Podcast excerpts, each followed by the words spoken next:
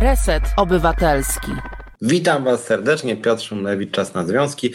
Dzisiaj będziemy mówić o sprawach bardzo, bardzo ważnych, mianowicie o systemie emerytalnym, o tym, co nas czeka na stare lata, co czeka seniorów, jaki będzie ich los. Mamy gościa czy gościnie, profesor Leokadia Oręziak jest z nami, zaraz się tutaj pewnie z nami połączy. Będziemy właśnie rozmawiać o właśnie pani profesor jest. Dzień dobry, witam. Witam serdecznie. Witam bardzo serdecznie. Witam. Pani Leokadia Oręziak jest no, panią profesor, ekspertką od y, polityki społecznej, od systemu emerytalnego. Od wielu lat się zajmuje tą problematyką. Od razu będziemy mówić o jej nowej książce Prywatyzacja emerytur. O, tu pokazuję. O, tak. E, książka dotyczy, no jak sama nazwa wskazuje, emerytur i ich prywatyzacji. Od razu zachęcam do jej lektury, ponieważ pani profesor ma taki talent, że pisze językiem zrozumiałym, e, jest e, naukowcem, ale z drugiej strony też potrafi docierać do szerszego grona odbiorców, więc zachęcam was od razu do lektury. Książka wyszła w PWN-ie, można ją kupić, ale przede wszystkim zachęcam was w ogóle do refleksji na temat też no, systemu emerytalnego, waszej przyszłości. W Polsce młodzi ludzie o emeryturach nie myślą często i to też jest pewien problem nawet na poziomie takim społecznym, więc ja apeluję do Was wszystkich, żebyście się tymi sprawami interesowali. Jeżeli nas oglądają dziennikarze, to też apeluję do dziennikarzy, żeby tymi problemami się więcej zajmowali, bo to są rzeczy naprawdę ważne e, i z tego, co różnych sondaży wynika, że duża część Polaków uważa, że to są ważne sprawy, a dziennikarze później mówią o tym, kto tam kogo wyzywał i dlaczego, a nie zajmują się rzeczami naprawdę ważnymi, czyli na przykład systemem emerytalnym. Więc na początek chciałem przejść może do samej książki i jej tytułu, bo tytuł jest właściwie w tej książce kluczowy i samo zjawisko jest kluczowe. Więc może przejdźmy od ogółu do szczegółu. Więc może na początek, na czym polega ta tytułowa prywatyzacja emerytur? O co chodzi? Może pewnie część naszych widzów w ogóle nie rozumie, na czym polega system emerytalny, ale spróbujmy tak przybliżyć. Na czym polega prywatyzacja emerytur? Co takiego się dzieje w ostatnich latach, że ona następuje?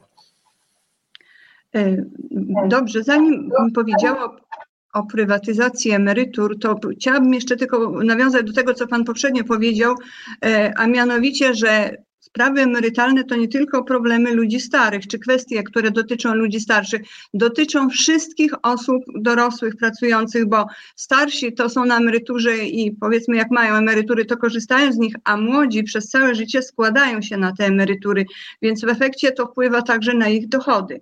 Więc w tym sensie to jest po prostu ważny, temat ważny dla każdego.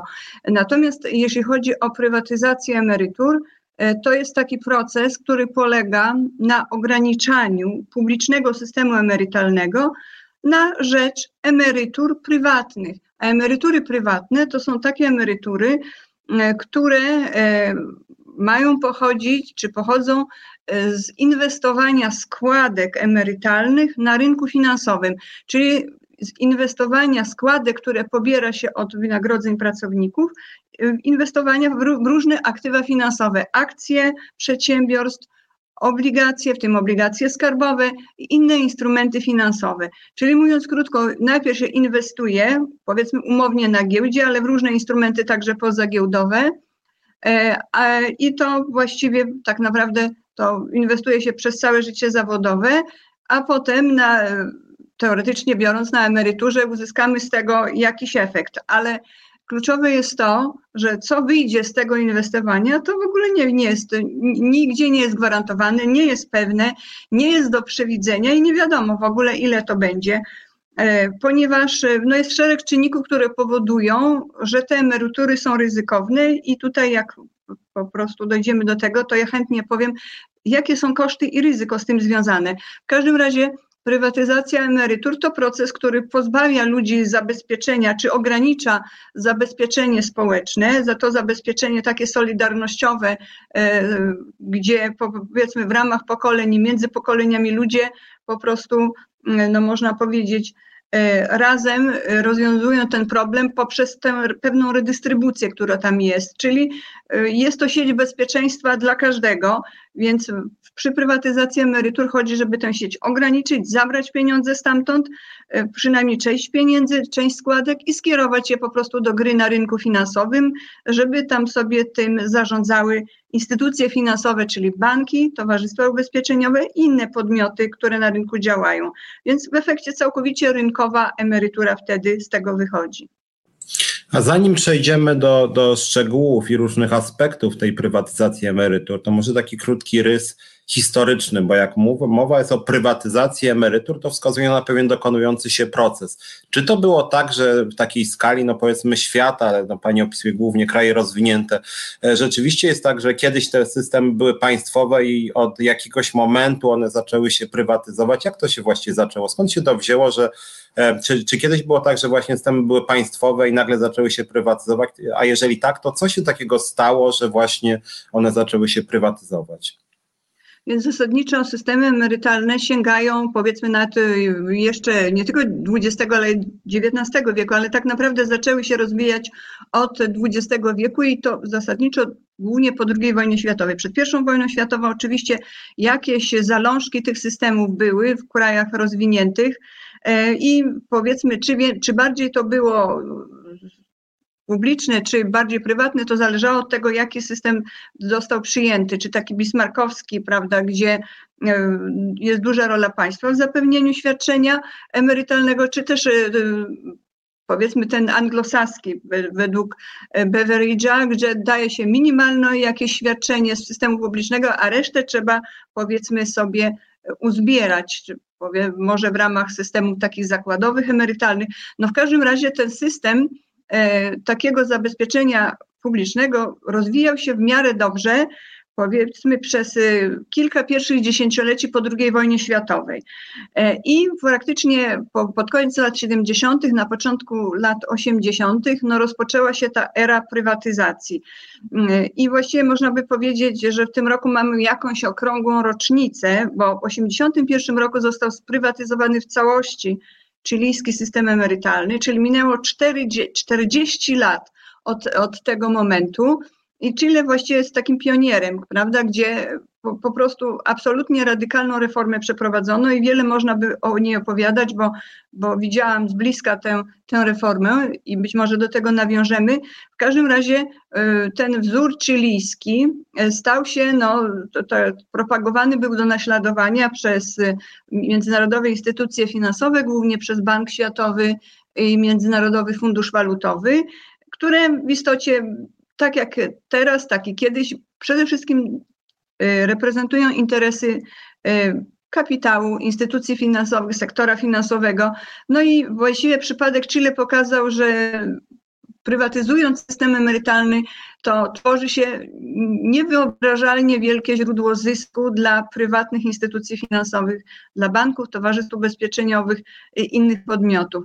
Y, I w efekcie to, to, to, to, ten główny motyw kieruje prywatyzacją emerytur, emerytur. Natomiast reszta to jest tylko ideologia, takie uzasadnienia, dorabiane takie tło do tego, prawda, jakie to korzyści ma niby przynieść. Ale tak naprawdę to, je, to jest to kluczowe. Y, I od tamtego czasu właściwie jak się rozwijał ten proces? Otóż y, Powiedzmy, on razem postępuje, czy postępował wraz z rozwojem ideologii neoliberalnej. Ideologii, bo to nie nauka, tylko ideologia, e, powiedzmy, zaczęła ona dynamicznie jakoś być wcielana w życie, poczynając zasadniczo e, od lat 80., chociaż i w końcu lat 70. też już e, coś było, ale w sumie ona sprowadza się do tego, że rynek jest najważniejszy, że rynek najlepiej wszystko ureguluje, że rynek jest najbardziej wydajny i powiedzmy, że on nie tylko reguluje kwestie ekonomiczne, ale tutaj ta ideologia posunęła się tak daleko, że po prostu także kwestie społeczne, tak, jak y, kwestie ubezpieczenia społecznego, emerytury, zostały także podporządkowane tej ideologii, E, po to, żeby no, tak naprawdę tej, można powiedzieć, klasie wybranej zapewnić zyski. No, nigdy oczywiście otwartym tekstem tego nie mówią. Tam najwyżej mówią, że chodzi o rozwój rynku finansowego i tak dalej, ale to jest e, powiedzmy tak, było i jest zorganizowane, żeby właśnie ci, te instytucje, które tym zarządzają, e, pozyskują, pobierają te składki, żeby one po prostu mogły na tym zarobić. I w krajach zachodnich właściwie E, ta prywatyzacja w różnym stopniu przebiegała. Właściwie możemy kraje Europy Zachodniej tutaj e, tak podzielić jakby na dwie grupy. Pierwsza grupa krajów to jest Niemcy, Niemcy, Francja, Hiszpania, a także częściowo Włochy, a także Austria. To powiedzmy przykładowe kraje, gdzie prywatyzacja nie rozwinęła się. Powiedzmy jakieś tam oczywiście elementy tego zostały wprowadzone, ale dominuje system publiczny i emerytura systemu publicznego to jest podstawa dochodu emerytalnego po prostu całego społeczeństwa. E, natomiast drugie, druga grupa to te kraje, które e, jakoś prywatyzację e, no, rozwijały, chociaż nie tak jak w Polsce, nie, a mianowicie, no tu powiem tak, Holandia, Holandia i Dania to są te dwa kraje, gdzie właściwie zakładowe plany emerytalne, coś powiedzmy na wzór naszego PPK, coś takiego, no to tam y, one są już od bardzo dawna rozwijane, nawet jeszcze przed tą, ideolo przed tą ideologią neoliberalną, tam one się zaczęły rozwijać i, i rozwijane, i, i przez te kilkadziesiąt lat były rozwijane, czyli to jest system trochę zbliżony do anglosaskiego, że minimalna emerytura taka e, z systemu publicznego e, przeważnie bezskładkowa, y, a reszta to są te plany zakładowe, plus jeszcze jak ktoś chce, to jest trzeci filar dobrowolny, po prostu ubezpieczenia. No Dania, Dania i Holandia to są obowiązkowe te zakładowe systemy emerytalne. No i teraz tak, przyglądałam się temu teraz y, po, po prostu bardziej szczegółowo, przygotowuję taką większą pracę na ten temat. E, no i powiedzmy, jakoś to się rozwijało, rozwijało jak, jak nie powiedzmy, były dobrze oprocentowane obligacje skarbowe, jak nie, kryzysy nie były tak często, powiedzmy ten, ten, co teraz mamy, też na rynek płynął mocno, ale poprzedni z 2008 roku i z 2002 roku, to w ciągu 10 lat jeden, znaczy dwa wielkie kryzysy, które potężnie zrujnowały aktywa finansowe w postaci akcji, obligacji i tak dalej. No i te systemy zakładowe okazało się, że one no, ogromne trudności przeżywały i przeżywają. I właściwie jaki tam trend jest? Otóż te systemy, powiedzmy tak jak w, Danii czy w Holandii, to są systemy, które były przez dziesiątki lat oparte o zdefiniowane świadczenie. Czyli mówiąc krótko, ten, kto organizuje taki plan emerytalny, zobowiązywał się, że zapewni emeryturę danej osobie według pewnych parametrów, biorąc pod uwagę okres jej pracy i osiągane wynagrodzenie. I i oczywiście też ta emerytura pochodziłaby z rynku finansowego, z inwestowania w papiery, akcje, obligacje, ale powiedzmy, jak okaże się, że spada wartość tychże, to ten, kto organizuje plan, ma dopłacić po prostu, żeby tak było. Czyli sprawdza się na bieżąco wartość zobowiązań wyliczoną, tak, i, w stosunku, i, i jak aktywa, które są, jak ich wartość pokrywa te zobowiązania. No i powiedzmy było tak, że w przypadku tego holenderskiego systemu, no to jeszcze tuż przed tym kryzysem z 2008 roku, to one pokrywały w 150%, prawda? Czyli aktywa znacznie przewyższały zobowiązania, a po kryzysie to spadło w ogóle do 90%.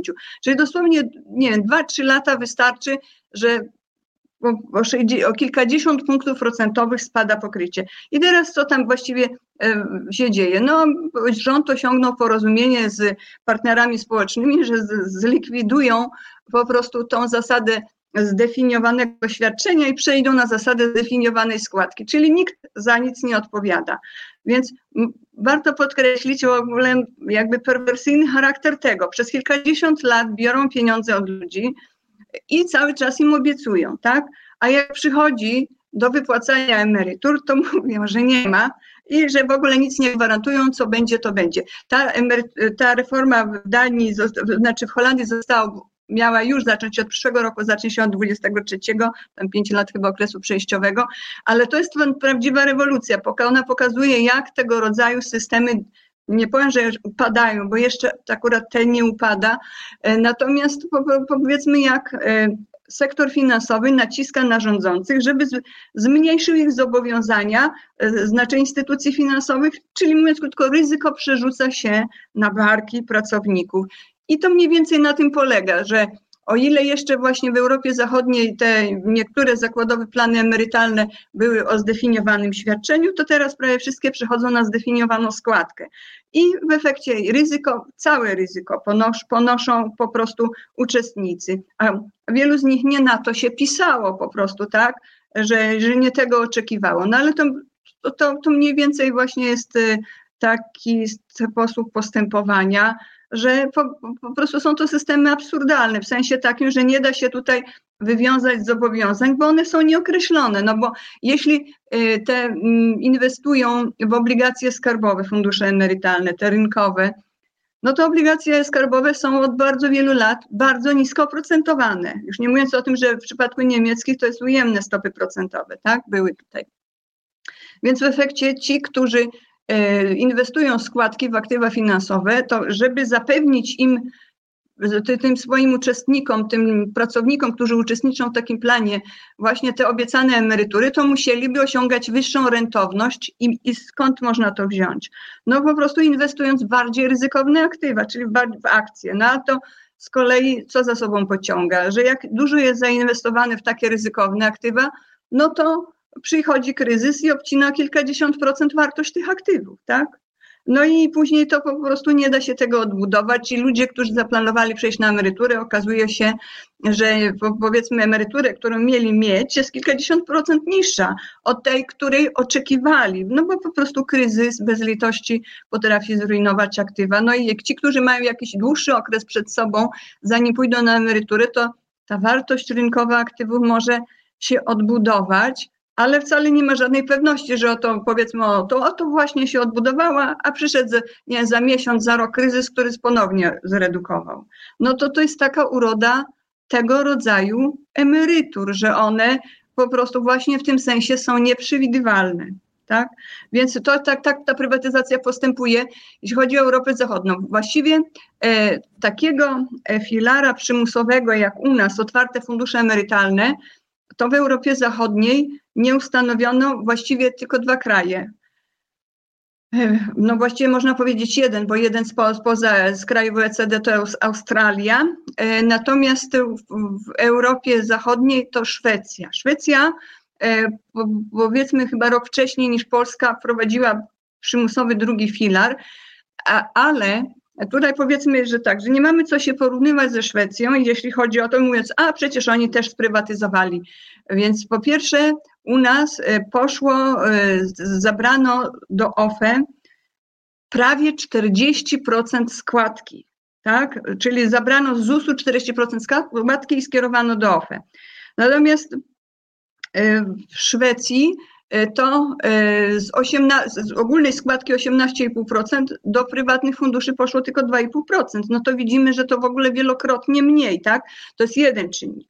Drugi czynnik to jest taki, że e, po prostu no, ten taki system jak OFE, kiedy zabiera się te kilkadziesiąt procent składki i kieruje się do gry na giełdzie, no to on generuje ogromny dług publiczny. Między innymi z tego powodu OFE w Polsce tak naprawdę upadło, czy upadły te fundusze, chociaż jeszcze oczywiście jakoś tam istnieją, no bo zabiera się znaczną część składki po to, żeby ją zainwestować na giełdzie, ale emerytury, z czego czegoś, z czegoś trzeba ludziom płacić, tak? No bo jest w Polsce 5 milionów emerytów, tak?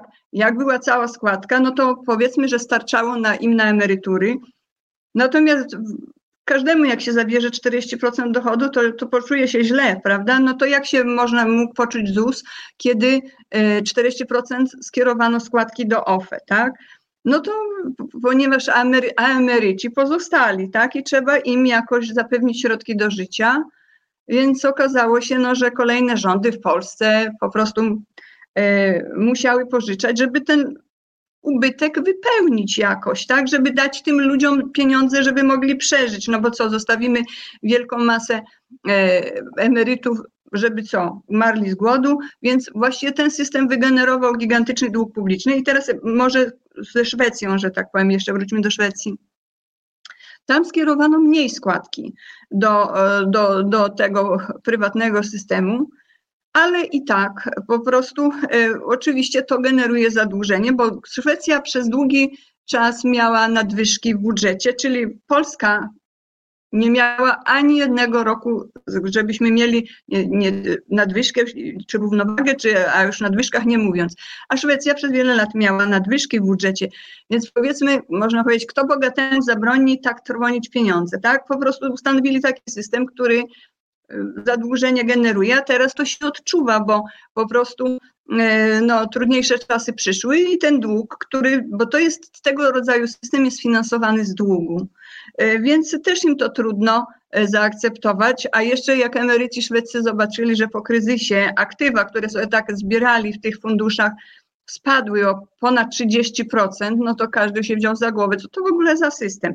I przez to, że powiedzmy system ten jest nękany tymi spadkami y, wartości rynkowej aktywów, y, no to tak jak w Szwecji, no jest jakiś tam mechanizm stabilizacyjny, ale to oznacza tak naprawdę dopłacanie z budżetu do tego systemu. A miało być tak, że ten system niby miał, prawda, finanse publiczne jakoś chronić, a nie tylko nie chroni, tylko powoduje, większe, e, większe, większe problemy.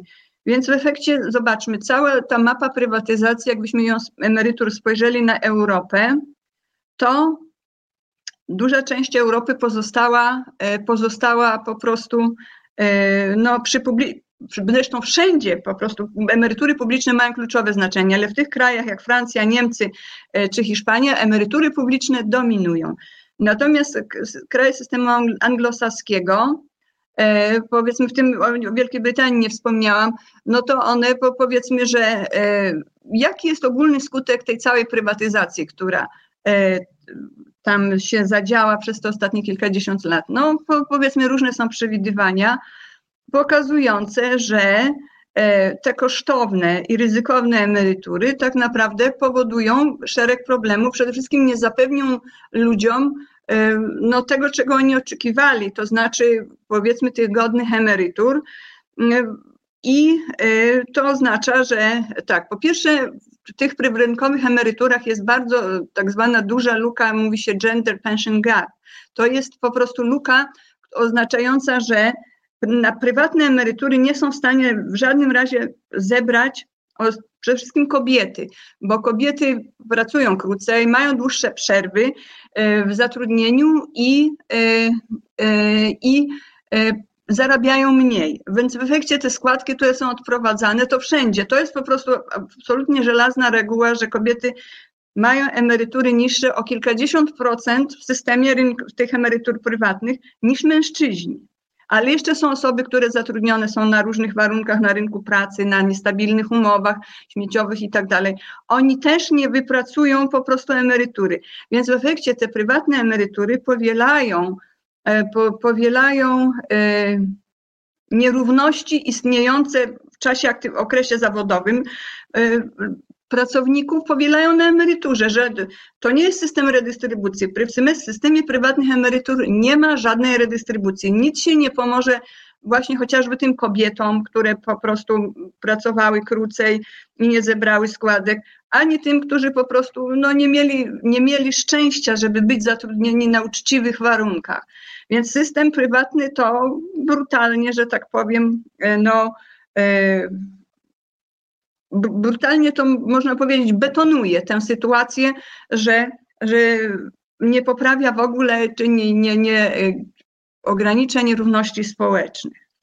Więc y, a, a, a to, co jest fundamentalne, bo to jest z punktu widzenia ludzi, jedno to jest ten, że kryzysy rujnują wartość tych emerytur, jak jeszcze w czasie, kiedy zbiera się składki, to składki mogą być zrujnowane, a jak ktoś jeszcze po prostu, no powiedzmy, y, przez 10 lat, bo to jest mniej więcej tak jak u nas w przypadku PPK, prawda? Przez 10 lat, żeby zachować te y, przywileje podatkowe, to przez 10 lat nie, nie znaczy wypłaca się po kawałku, a jak ktoś wypłaci wcześniej, to to straci. Ale to oznacza, że kolejnie jeszcze, nie dość, że przykładowo młody człowiek 40 lat pracował, prawda? To jeszcze dojdzie 10 lat, 50 lat takiego, przepraszam za wyrażenie, przemiału papierów i od tego przemiału instytucje finansowe pobierają sobie procent za ten przemiał, prawda, za to, co, co że, że, że się tym zajmują, tak?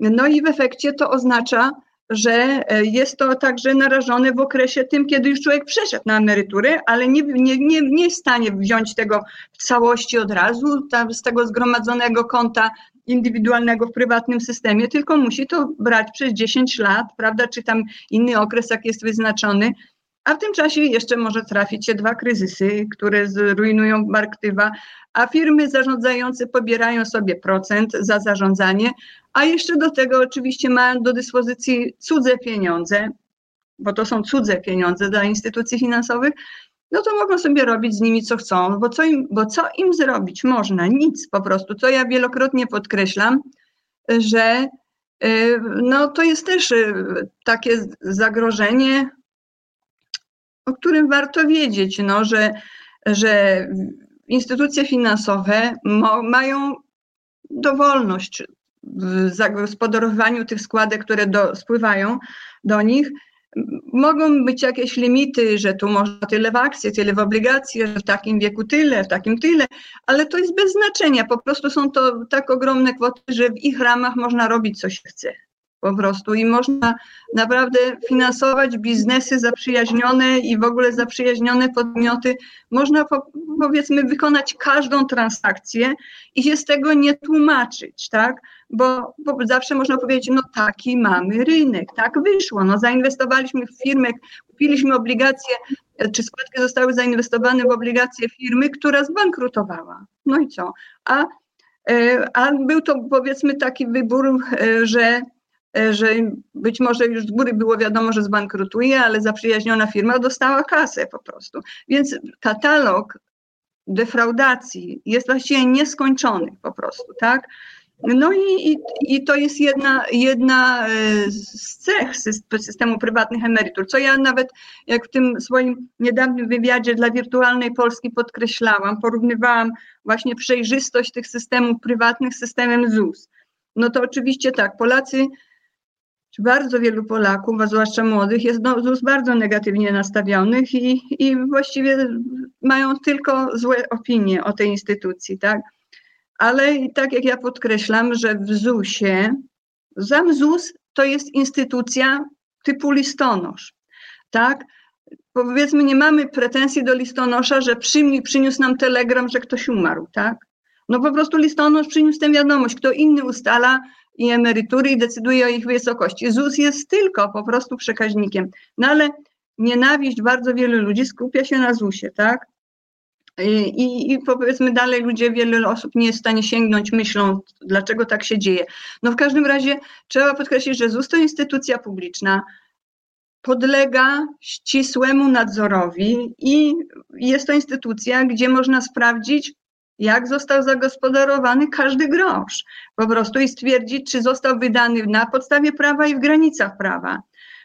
Natomiast w przypadku prywatnych emerytur to nie ma czegoś takiego. Po prostu można sobie robić dowolnie, co się chce z tymi pieniędzmi i nie ponosić za to żadnej odpowiedzialności, bo to są, tak jak w przypadku polskiego PPK, emerytury o zdefiniowanej składce. Wiadomo, ile wpłacisz, ale nie wiadomo, ile dostaniesz, bo nie wiadomo, co z tego wyjdzie po prostu. No. Mhm. Nasi, nasi widzowie tutaj piszą swoje komentarze, więc może kilka tych opinii przytoczę. Bożena Breczko pisze, że zdefiniowane świadczenie było w PRL-u, jak się inwestuje na giełdzie, to zawsze spada albo rośnie. Anna Gryta pisze, że system emerytalny to kwestie kluczowe, dlatego powinien być system państwowy z gwarancją państwa. Bożena Breczko taki był w PRL-u, ale go pogrzebaliśmy razem z systemem. No według mojej wiedzy, no nie pogrzebaliśmy, w 99 dopiero była zmiana. Anna Gryta odpowiada, że nie wszystkie państwa idą w prywatyzację. Bożena Breczko, państwa skandynawskie są bardziej socjalistyczne.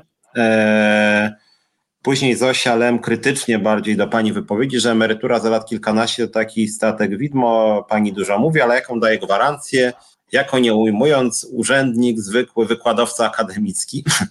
E, Marek Jurkiewicz, przymusowy system ubezpieczeń jest niepotrzebny, bo ktoś, kto dobrze zarabia i tak uzbiera na dostatnie życie. Najprościej byłoby wypłacać każdemu emeryturę w wysokości płacy minimalnej. Składki niepotrzebnie zwiększają koszty pracy, a sam system generuje koszty dla budżetu. Anna Gryta, pani profesor, niech nie mówi o redystrybucji, bo niektórzy zawału tu dostaną, a jeszcze mniej o wspomaganiu różnych grup.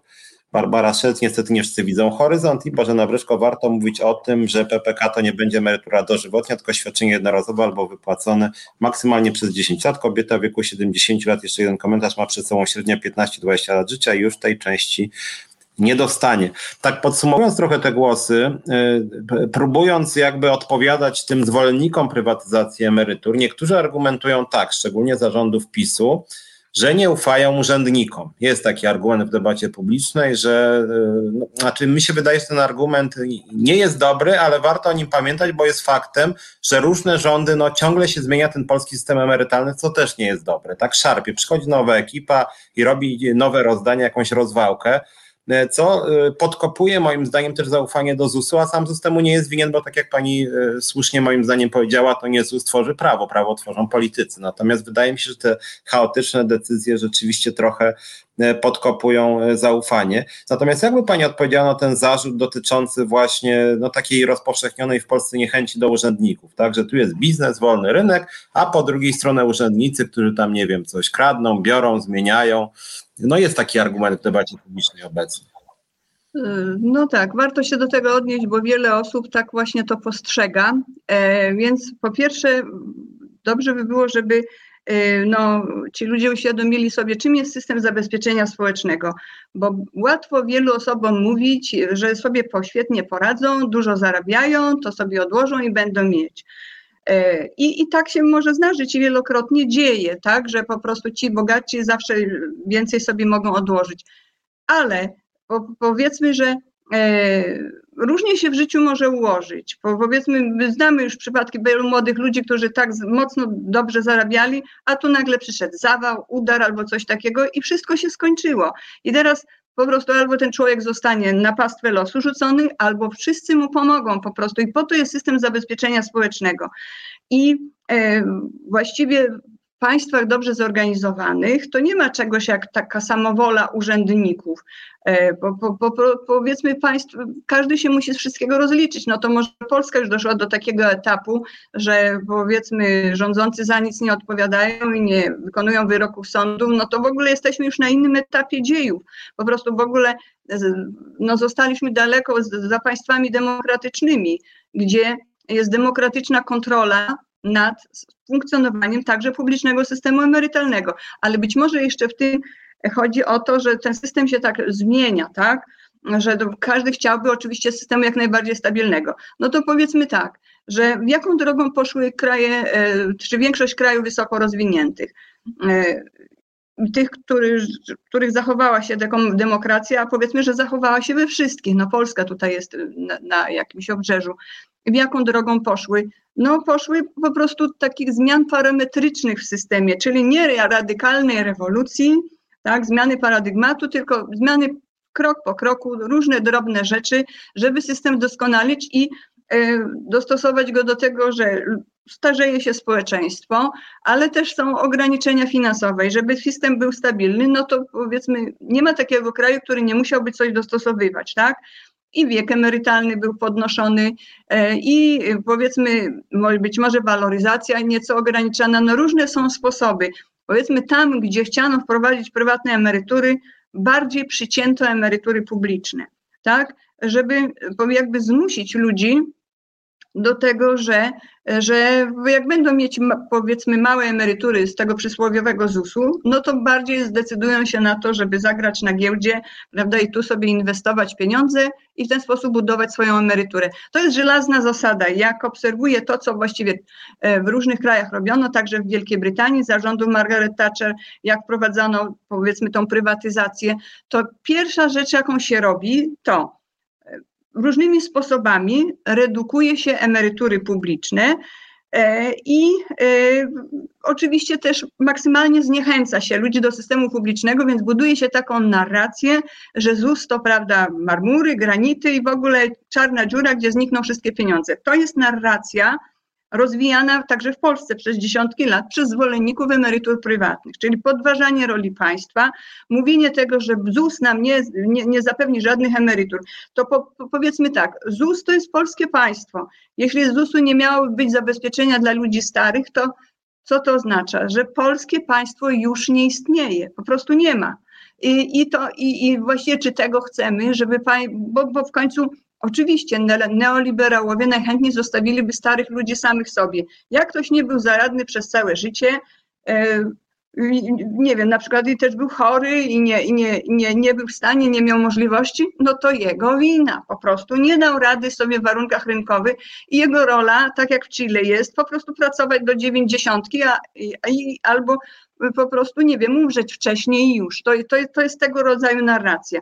I ta narracja o tym, że tam składki i tak dalej obniżają konkurencyjność, tak, że składki trzeba płacić i, i to bardzo trudno. Oczywiście, jak patrzymy z punktu widzenia osoby, która prowadzi działalność, zwłaszcza jednoosobową, no to ta kwota składek jest, no może, może tworzyć po prostu jakieś obciążenie, chociaż w wielu przypadkach nie jest to jakieś duże obciążenie. No ale trzeba powiedzieć tak, że przecież system emerytalny, czyli wspieranie ludzi starszych, a nie zostawimy ich na pastwę losu, że to kosztuje. No nie ma tak, że w ogóle po prostu nic nie, na to nie poświęcimy. Trzeba podkreślić tak, że jak ktoś planuje zbierać prywatną emeryturę, czy zbierze ją za darmo i z niczego, po prostu te pieniądze, którą, którą, które wielkim strumieniem płyną na giełdę, gdyby popłynęły do, do systemu publicznego, to tam w ogóle zlikwidowałyby ileś problemów, tak? A tak trzeba system dofinansowywać z podatków i tak dalej. Więc bo niektórym się wydaje, że emerytury prywatne to nic nie kosztują, tak? Że to w ogóle po prostu jakby same, nie wiem, z nieba spadają. A to są pieniądze, które bierze się z wynagrodzeń pracowników, tak? E, I kieruje się do, do spekulacji giełdowych tak naprawdę. Więc e, to przede wszystkim, a już jeszcze do tego dochodzi to, że system ten e, jest bardzo kosztowny, prywatny. Więc ja tutaj nawet w tej książce wskazuję, jakie są koszty, czy jak przekłada się na ubytek emerytury koszty, które pobierają instytucje zarządzające, tak? Że jeśli prowizja po prostu pobierana przez instytucję finansową wynosi, tą zarządzającą prywatnymi emeryturami wynosi na przykład 1,5%, tak? To przez 40 lat, jak ktoś właśnie odkłada na emeryturę w takim systemie, pobierana jest ta, ta, ta opłata łączna taka, no to będzie pula zgromadzona na emeryturze o, o, ponad 30% mniejsza niż gdyby tej opłaty nie było. No to jest właśnie to, to ten koszt. E, I nawet opłata rzędu pół punktu procentowego, czyli 0,5%, tak? że taka opłata też generuje kilkanaście procent ubytku tego, co, na, co byśmy mogli mieć. To nie jest tak, przecież instytucje finansowe to po to to robią, żeby mieć dla siebie te zyski, czyli my powiedzmy finansujemy przede wszystkim ich, tak? Te, te, te, te instytucje przede wszystkim finansujemy, nie mając żadnej gwarancji, że coś będziemy z tego mieć. To wcale nie dziwi to, że bardzo mocno propagują ci, którzy z tego żyją, i zwalczają oczywiście wszelkie głosy, które są przeciw temu, no bo to jest oczywiste, że, że oni chcieliby mieć, uważają, że im się to należy po prostu, żeby ten kapitał i, i klasa polityczna z tym związana, bo to oczywiście taki wianuszek ludzi, który, który z tego korzysta, ale to jest w sumie takie nie takie szerokie grono. Z jednej strony jest wielka masa pracownicza, e, i wynagrodzenia tych ludzi właśnie są części transfer, transferowane na rynek finansowy, żeby tam dać zarobić tym, którzy po prostu no, wywalczyli dla siebie taki system, tak? Więc y, podobnie rzeczy się dzieją po, po, w, róż, w, różnych krajach, ale na różną skalę. Tak? Może tutaj y, nawiążmy chwilę do tego automatycznego zapisu do pracowniczych planów kapitałowych. Więc on E, był wzorowany na tym automatycznym zapisie, który wprowadzono w Wielkiej Brytanii. Tak? On, decyzja była podjęta w 2008 roku, a zaczęło to od 2012 roku zaczęło być wprowadzane w życie. I oczywiście odsetek ludzi, którzy zostali w tym systemie, no nie wiem, dajmy na to sięga 80%, tak? Się nie wypisało z tego, bo może się wypisać, ale żeby się wypisać, no to trzeba złożyć oświadczenie. A wiele osób nie składa tego oświadczenia z różnych względów, tak? Po prostu ze strachu, z niewiedzy, z obawy i tysiąc jeden powodów. No i, i, i to jest właściwie taka swoista pułapka, którą y, stosuje się wobec wielkich grup ludzi. Naprawdę to jest bym powiedziała, jeden z większych wynalazków ekonomii, jak wielką masę ludzi skłonić do postępowania zgodnie z interesem jakiejś małej grupy ludzi. To jest ekonomia behawioralna, powiedzmy, to wypracowała i, i, i, na zamówienie prawda, instytucji finansowych i to zastosowano w niektórych krajach, a, krajach. Ale zobaczmy, w Polsce e, oczekiwano, oczekiwano że e, PPK pozostanie, no powiedzmy 75%. Tak było w uzasadnieniu do ustawy e, to powiedziane, 75%, a zostało mniej niż 30%. Ja teraz nie wiem, ile tam dokładnie jest, ale pewnie jeszcze, jeszcze mniej niż 30, a w małych firmach to w ogóle bardzo mało. No po, powiedzmy, że e, z, z, czego to się u nas bierze, tak, że tak mało e, osób no, jednak wykonuje ten wysiłek i składa tę e, deklarację, że nie chce w tym systemie uczestniczyć. Po prostu widzi tak, że po pierwsze będzie E, będzie e, pomniejszana pensja danej osoby, miesiąc w miesiąc, prawda, rok w rok, a młody człowiek, który powiedzmy dzisiaj zaczyna pracować, 20 lat ma e, i do 65 lat będzie pracował, no to tak jak już przytaczam zawsze ten przykład, co podaje OECD, jego po prostu pierwsza składka, którą wpłaci do systemu, do PPK, zostanie pomniejszona 40 razy w ciągu tego okresu. Ta pierwsza składka, no druga, powiedzmy, kolejną mniej, aż ostatnia wpłacona, kiedy już będzie prawie szedł na emeryturę, zostanie pomniejszona najmniej. Ale wyobraźmy sobie jakąś sumę, z której 40 razy weźmiemy nawet mały kawałek. Co z niej zostaje? No to po pierwsze ludzie zdają sobie sprawę, że to jest kosztowne po prostu, tak?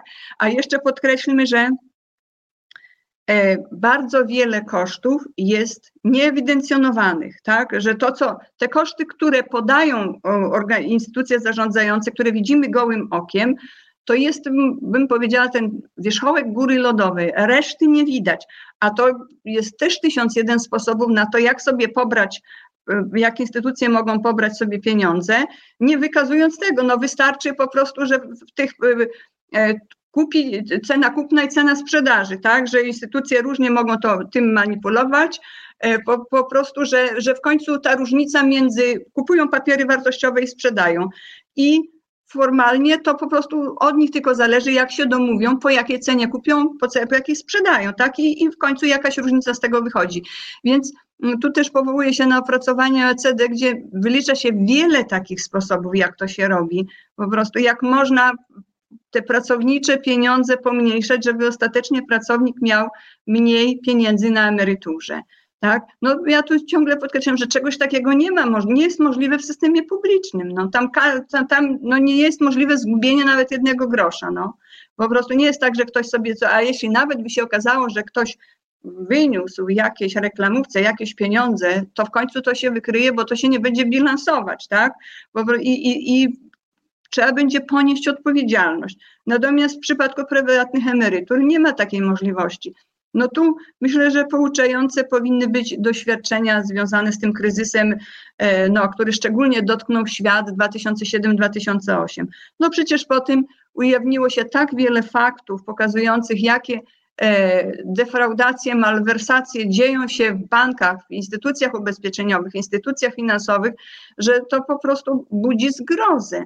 I teraz, y, czy, na jakiej podstawie możemy założyć, że teraz to już tego nie ma?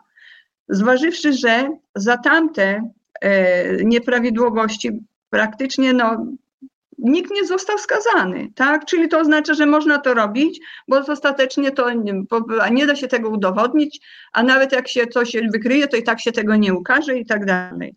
No to ten system bezkarności, no po prostu taki jest, bo bym powiedziała, że system prywatnych emerytur tak ma. Po prostu taki jest. I teraz oczywiście, jeśli ktoś to wybiera, no to jakby być może nieświadomie się e, po prostu decyduje, bo rzadko jest tak, żeby ktoś świadomie to, o tym zdecydował, tak?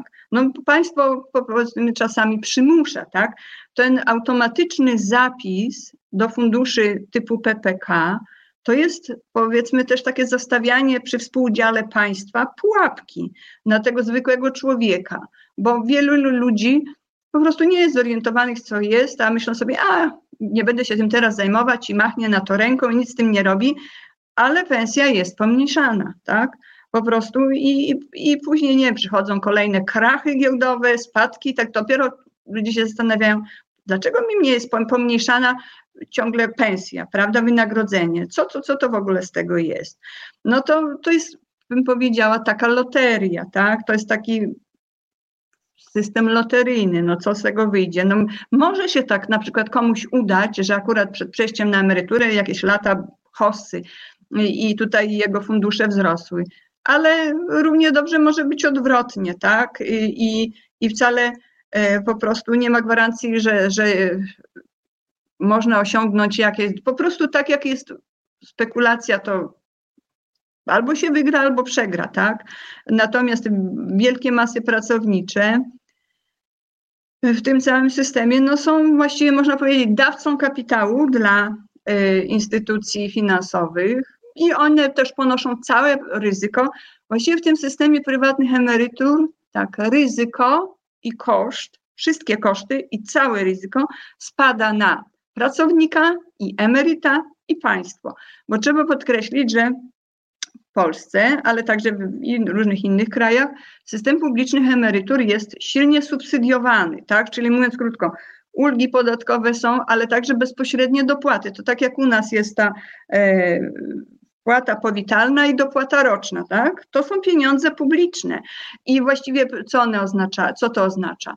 No to oznacza, że z pieniędzy publicznych po prostu dofinansowywane są instytucje finansowe, no bo one tak naprawdę to te pieniądze pozyskują i mogą nimi obracać i czerpać z tego pożytki.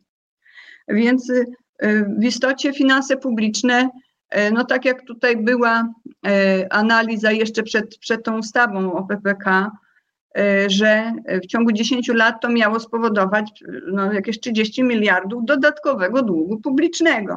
Powiedz, mniej osób PPK zostało, więc może te koszty e, będą mniejsze.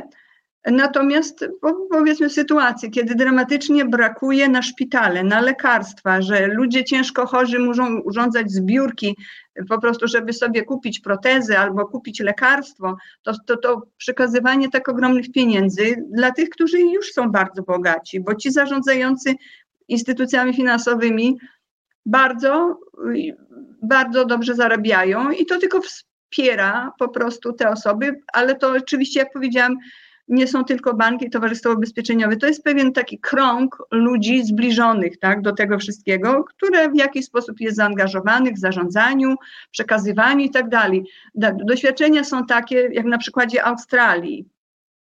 To po prostu jest taki wielki ciąg pośredników, że, że nawet same fundusze wprost, tak jak tego wynika z raportu ostatnio, który czytałam, że same właściwie nic nie robią. Jest tysiąc pośredników po drodze, których gdzieś tam zainwestują i, i, i każdy pobiera sobie prowizję, zwłaszcza, że nie są one limitowane, te prowizje. Więc e, bo powiedzmy, że dopracowa, dopracował się rynek finansowy różnych sposobów, jak bym powiedziała, pasożytować na tych pracowniczych pieniądzach. No i, i, to jest taka brutalna rzeczywistość. No jest to w sumie E, przygnębiające, że pochłania to ogromne pieniądze, a, a nie daje żadnej gwarancji. No to po prostu e, i w efekcie prowadzi to do tego, że e, tak jak już w odniesieniu do niektórych krajów zachodnich, czy tam, tam, gdzie ten system sprywatyzowany bardziej się rozwinął, że w końcu on powoduje takie nierówności społeczne, że bardzo wielu ludzi zostanie bez wystarczających środków na starość i będzie po prostu pukało do systemu publicznego, żeby dać jakieś wsparcie. Czyli takie systemy jak ten generują po prostu ogromne e, później zapotrzebowanie na pieniądze publiczne. Nic nie ratują systemu publicznego, tylko stwarzają do niego dodatkowe ciężary. Mhm. Tu kilka głosów na naszym forum. Marek Jurkiewicz, ZUS jest piramidą finansową, która upadła, bo liczba płatników przestała rosnąć. Sytuacja wymusi wprowadzenie emerytur minimalnych i symboliczną tylko zależność od wysokości składek. To znaczy, ja tu bym chyba panu Markowi odpowiedział, że właśnie chodzi o to, że zabranie pieniędzy z ZUS-u na prywatne fundusze pogorszyło jeszcze sytuację i o to właśnie między innymi chodzi. Marek Jurkiewicz argumentem za PPK miała być emerytura bez podatków zamiast zapłatę przekształceniową, a teraz PiS obiecuje, że ZUS-owskie polskie emerytury i tak będą nieopodatkowane. Z osielem chodzi o rozrastającą się biurokrację. Państwo tworzy problem w postaci zawiłego prawa. Już powstaje kierunek studiów, aby absolwenci mieli co robić. Paweł Rup pyta, jaki wpływ na finanse ZUS ma obecny duży wzrost zgonów z powodu epidemii, no tu ma jakby niejednoznaczny o tyle, że wskaźniki aktywności zawodowej mogą nieco spaść. Z drugiej strony, mówiąc brutalnie, zmarła część osób starszych, którzy pobierali emeryturę, więc to nie jest prawdopodobnie jednoznaczne. Janko przerywa, zlikwidować składki emerytalne. Emerytury powinny być płacone z budżetu w równej wysokości dla wszystkich. Emerytura obywatelska, jak ktoś więcej chce, to niech odkłada. Bożena Breczko, moim marzeniem jest likwidacja rynków finansowych. One nic nie wytwarzają, tylko zabierają cudze pieniądze, więc jak pani widzi, wśród naszych tutaj widzów są bardzo zróżnicowane A może słowo opinie. o emeryturze obywatelskiej bym powiedziała. Ja jestem generalnie przeciw po prostu, e, ponieważ dlaczego tak? To jest marzenie rynku finansowych emerytura obywatelska, dać ludziom pewne minimum, e, i powiedzmy część ludzi się tym zadowoli, a reszta będzie zmuszona po prostu skorzystać z ich usług. Więc o to walczą przez cały czas tak naprawdę. Więc każdy, kto to popiera, to, to, to właściwie będzie przyczyniał się do tego, że do, do tych ogromnych nierówności, no bo duża część ludzi będzie to miała emeryturę minimalną, ale nie stać ich będzie na to, żeby już zebrać tą kolejną emeryturę. A w systemie redystrybucyjnym, no co byśmy o nim nie pomyśleli, jakaś minimalna sprawiedliwość społeczna jest, bo jak się dopuszcza do takich nierówności społecznych, to, to ja podkreślam zawsze, rodzą się dyktatury. Po prostu ludzie, którzy są pozbawieni e, bezpieczeństwa e, dochodowego, społecznego i tak dalej, no padają po prostu łupem, ofiarą w ogóle partii takich, które wiele obiecają, wszystko obiecają, a później po prostu tylko zabiorą demokrację. I to jest właśnie takie doświadczenia różnych krajów.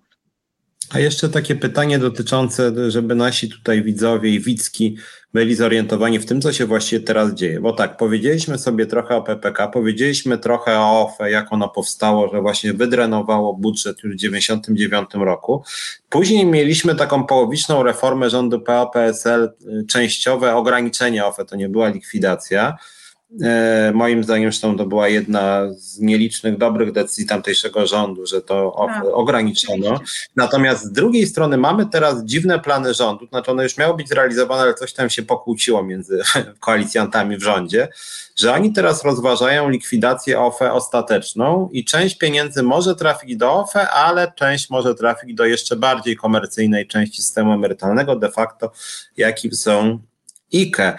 Jak pani ocenia y, te plany, bo one są takie niejednoznaczne. Najpierw y, PiS z pozycji de facto liberalnych krytykował Platformę za to, że ona ograniczyła OFE. Y, teraz PiS sam mówi, że to OFE trzeba właściwie już zupełnie zlikwidować, bo, bo, bo, bo to OFE cały czas jakby jest, jakby mamy te wszystkie konta, chociaż ja muszę przynajmniej tak sobie teraz pomyślałem, że jakoś nie dostaję od tego, od tego e, operatora OFE informacji, co tam się na tym moim koncie dzieje, chociaż te pieniądze cały czas tam są. Ja, ja, ja zrezygnuję jakby zrezygnowałem z OFE wtedy, kiedy mogłem, no ale ta kwota cały czas jakaś tam jest.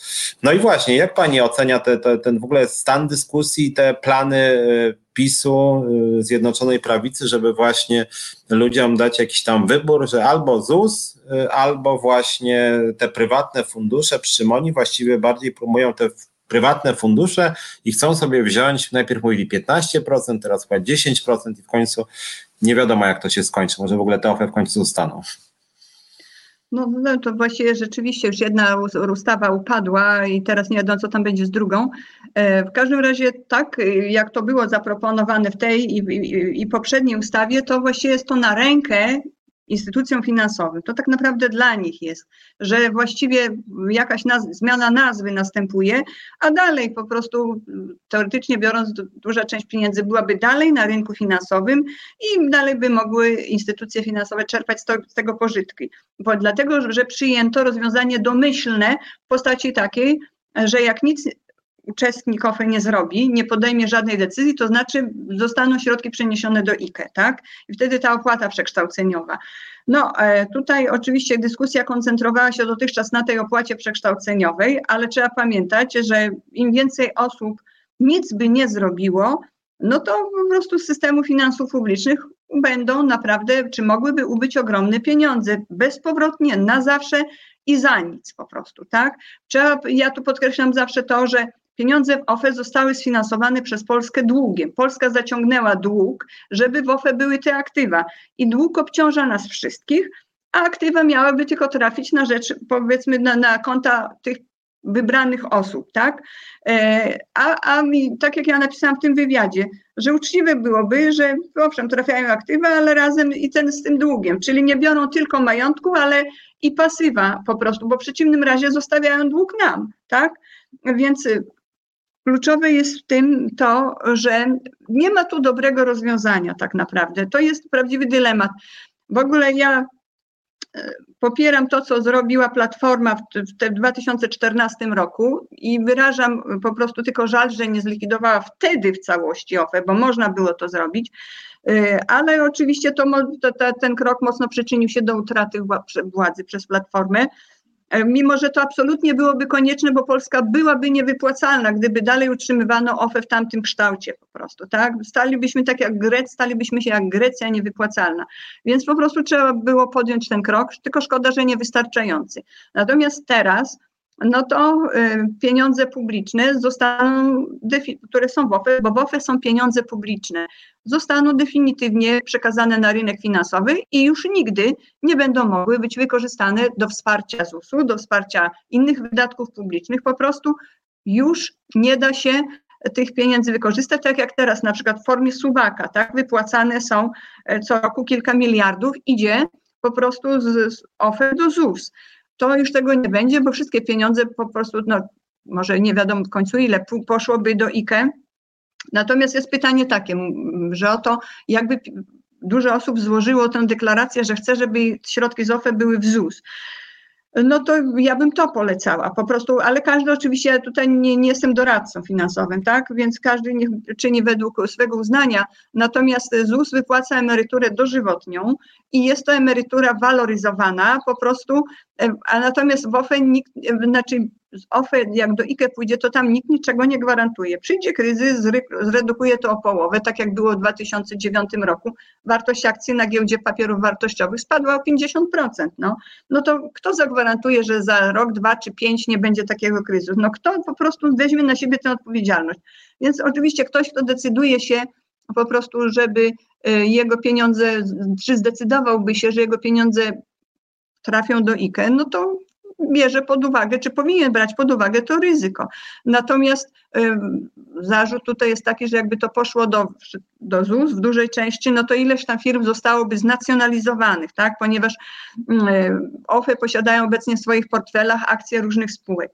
No to to jest tylko takie tłumaczenie, bo tak jak ja też w tym wywiadzie powiedziałam, to nie jest tak, że nie da się nic wymyślić, żeby zachronić interesy akcjonariuszy po prostu i, i firm, żeby, żeby ta taka, żeby skarb państwa nie mógł dowolnie sobie wykonywać, co, chciał, co, co, co by chciał z tymi akcjami. Tylko po, po prostu potrzebna, potrzebna by była wola, żeby tak zrobić, żeby chronić interesy tych, tych spółek, tak, żeby nie zostały one, prawda, de facto znacjonalizowane. I to, i to byłoby możliwe, no ale wystarczy powiedzieć, że to jest niemożliwe i, i w efekcie po prostu pójdzie transfer ogromnych pieniędzy publicznych do IKE, tak? Bo ludzie są tak w wielu przypadkach do ZUS negatywnie nastawieni. E, I e, oczywiście no różne są tutaj głosy, że oto te pieniądze pozwolą na kolejne prezenty, prawda, wyborcze i tak dalej. Tak jak mówię, no nie ma tutaj dobrego rozwiązania. W tę pułapkę wprowadzili nas kiedyś, w 1999 roku, ci, którzy ten ustanowili ten system.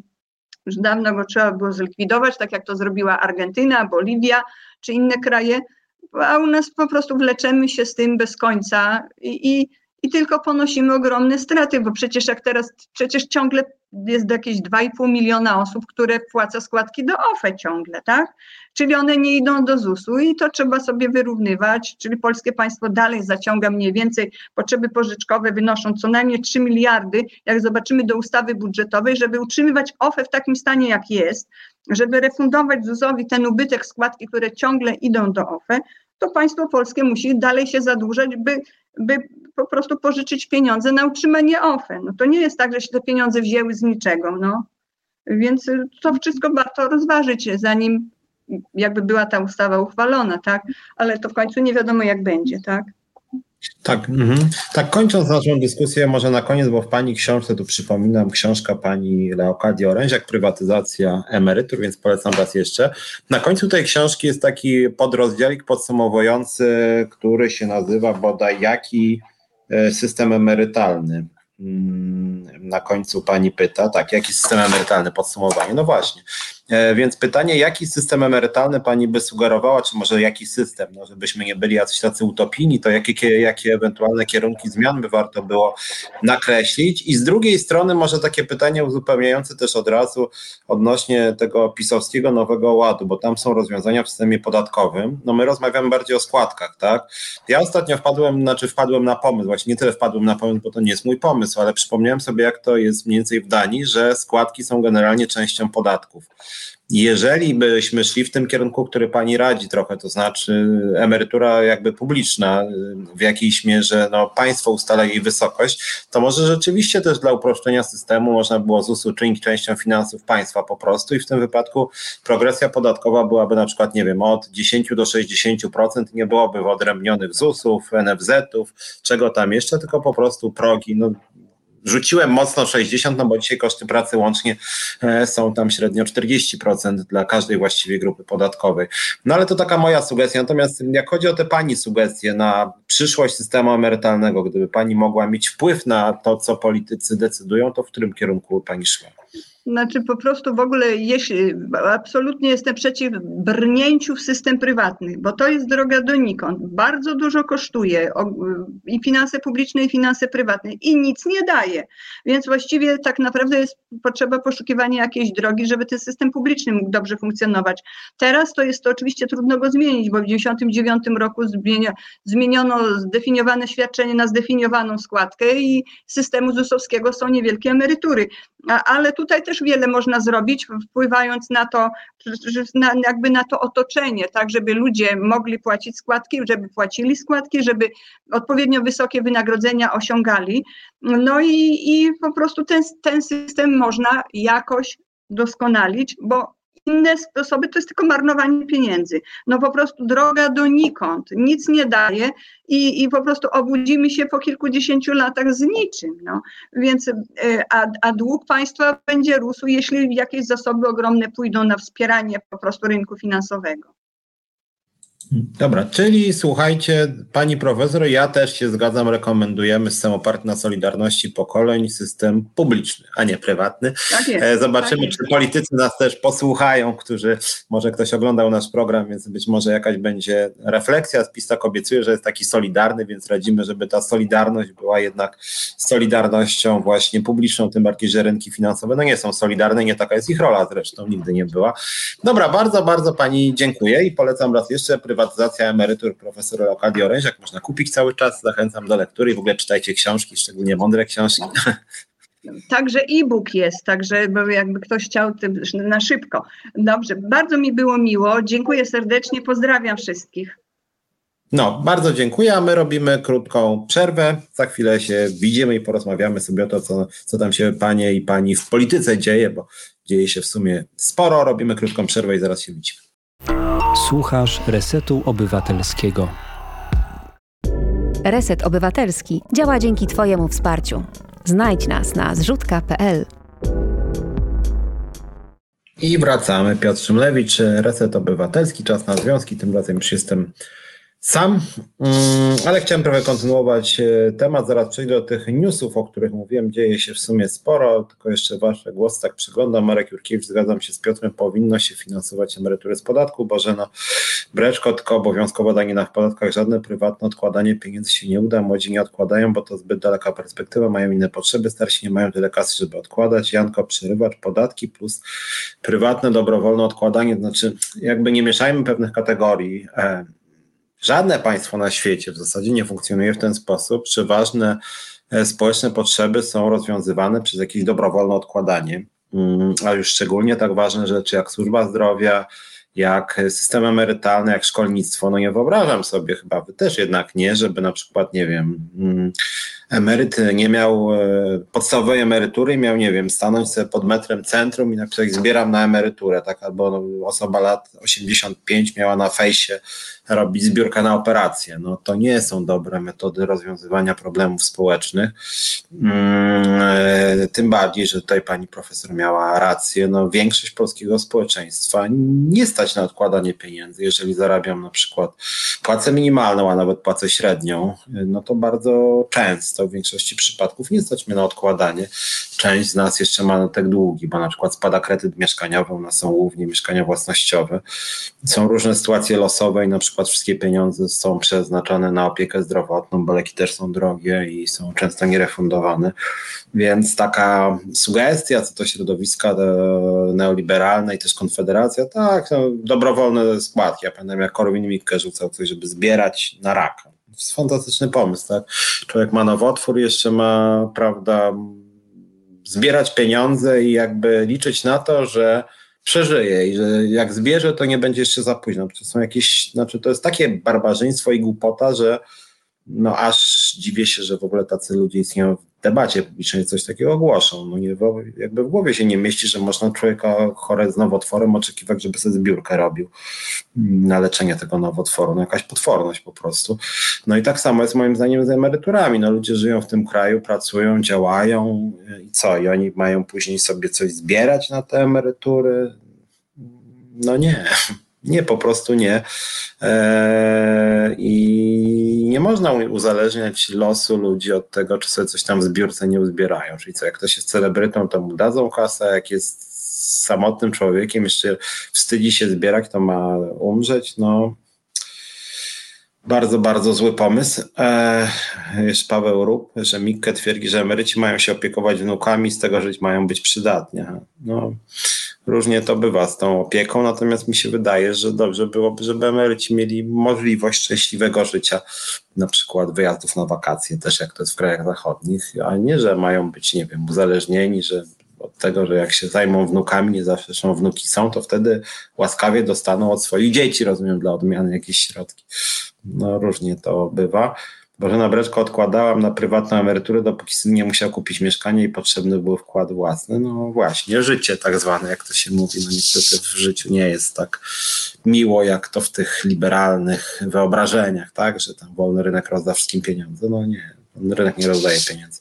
Wróćmy do, tych, do tego, co się ostatnio, czy przejdźmy raczej do tego, co się ostatnio mm, działo. Sporo się w sumie dzieje rzeczy i pracowniczych, i takich ponadpracowniczych, albo takich, które nie są bezpośrednio pracownicze, a mnie jako związkowca interesują. Przypomnę Wam, ja jestem liderem Związku Zawodowego Związkowa Alternatywa, takiej postępowej, otwartej centrali związkowej, skąd zapraszam, żebyście do nas przystępowali. Mm, przyjmujemy tak osoby fizyczne, jak i związki zawodowe. Chętnie pomożemy, zadziałamy. I również chętnie zaproszę naszego związkowca, związkowczynię do tego programu. Zresztą czasem ich zapraszam, na przykład Piotra Moniuszkę, czy Monikę Żelalik, czy Agnieszkę Szelongowską. Więc zapraszam do związku i zapraszam też do mm, resetu, żebyście opowiadali o swoich pracowniczych, zakładowych problemach.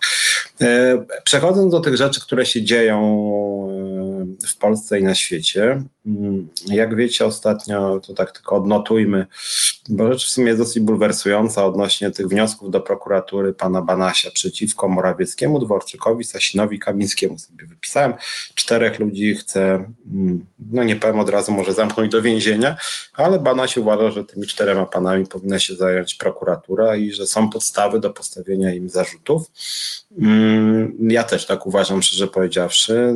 Jak wiecie, poprzednio już tam, kiedy to było dwa, trzy tygodnie temu Banaś zgłosił wnioski do prokuratury przeciwko zarządom e, firm, które zajmowały się organizacją e, wyborów, tak, ta instytucja papierów wartościowych i, Poczta Polska, tak? Mm, PW i Poczta Polska. Mm, teraz doszło, doszły poważniejsze, że tak powiem, osoby wyżej postawione, czyli ministrowie. Mówię o tym programie pracowniczym z tego względu, że w ogóle moim zdaniem problemem w Polsce jest szacunek dla prawa, jako związkowiec mogę powiedzieć, że bardzo dużo przepisów polskiego prawa, również prawa pracy jest strasznie lekceważone ja mam z tym kłopot, że ci panowie, szczególnie właśnie prezesi spółek Skarbu Państwa czy ministrowie na masową skalę łamią przepisy i zupełnie nic z tego nie wynika, ale to zupełnie nic, tak? E, często w tym programie przywołuję artykuł 22 kodeksu pracy, jak jest miejsce pracy, czas pracy, podległość służbowa, to musi być etat i tego etatu nie ma w wielu firmach, również państwowych i nikt z tym nic nie robi i wszyscy uważają, że wszystko jest w najlepszym porządku i jakby ja wtedy trochę baranieję. No ale chciałoby się powiedzieć, że czemu tu się dziwić, skoro Najwyższa Izba Kontroli, instytucja, która jest no, najwyższą, jak sama nazwa wskazuje, instancją kontrolną odnośnie tego, co się dzieje w Polsce. I to Najwyższa Izba Kontroli wskazuje, że panowie ministrowie i pan premier łamią przepisy, a panowie ministrowie, którym się mówi, że łamią przepisy, mówią, że tymi swoimi decyzjami, uwaga, uwaga, nikt się kompromituje, tak? Kompromituje się tym, że e, formułuje wobec nich zarzuty. Czyli nie, że coś jest złego, że mm, e, instytucja kontrolna ich skontrolowała i orzekła, że złamali prawo, tylko że ta instancja kontrolna ośmieliła się mm, postawić im jakieś zarzuty, tak? I wnieść wnioski do prokuratury. No i to jest dla mnie jakieś trochę kuriozum, tak? Bo właściwie to do czasu wyjaśnienia sprawy chyba ci panowie powinni być zawieszeni, no nie wiem, podać się do dymisji albo przynajmniej odsunięci od podejmowania decyzji. A tymczasem nic, jak mówię, pan Morawiecki, Kaczyński, Dworczyk, Sasin uważają, że to po prostu jest wina Niku na spółkę z opozycją, że zmarnowali 70 milionów. No tak, to jest taki, taki, taki smutny wyraz bardzo złej kondycji polskiego państwa. To jest jedna sprawa. Druga sprawa, bardziej kontrowersyjna, szczególnie w tych środowiskach, w których się obracam, środowiskach związkowych, to jest kwestia Turowa.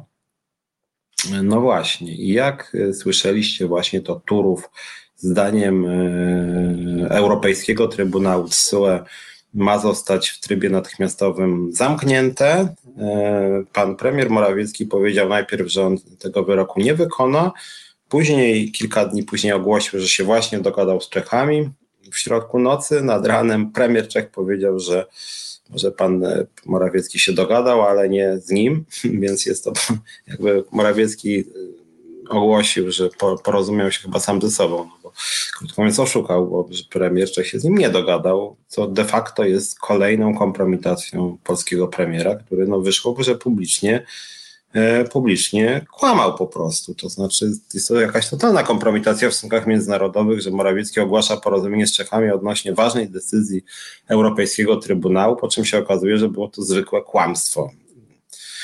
Ja nie chcę być jakimś tam strażnikiem moralności, ale mm, to, że pan premier publicznie kłamie, wychodzi to na jaw i nie ma nawet słowa przepraszam.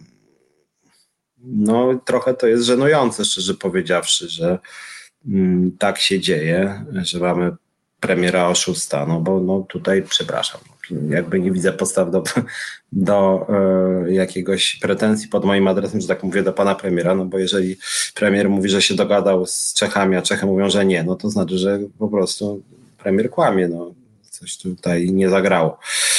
No więc są takie dwie właściwie dosyć grube afery dotyczące właśnie e, Turowa i dotyczące Mm, wniosków do prokuratury Banasia, które de facto trochę kompromitują polski rząd. Dlaczego mówię w sprawie Turowa polski rząd? Jeśli nie będę szczegółowo opowiadał w tej sprawie, nie czuję się tutaj jakimś e, ekspertem, mm, jak to jest z tą energetyką. Natomiast z drugiej strony, z tej historii, która miała miejsce wokół Turowa, e, wynika, że rząd czeski zwracał się już od bodaj sześciu lat do strony Polski, żeby coś zrobiła ze szkodliwymi skutkami e, właśnie funkcjonowania e, tej firmy w Turowie.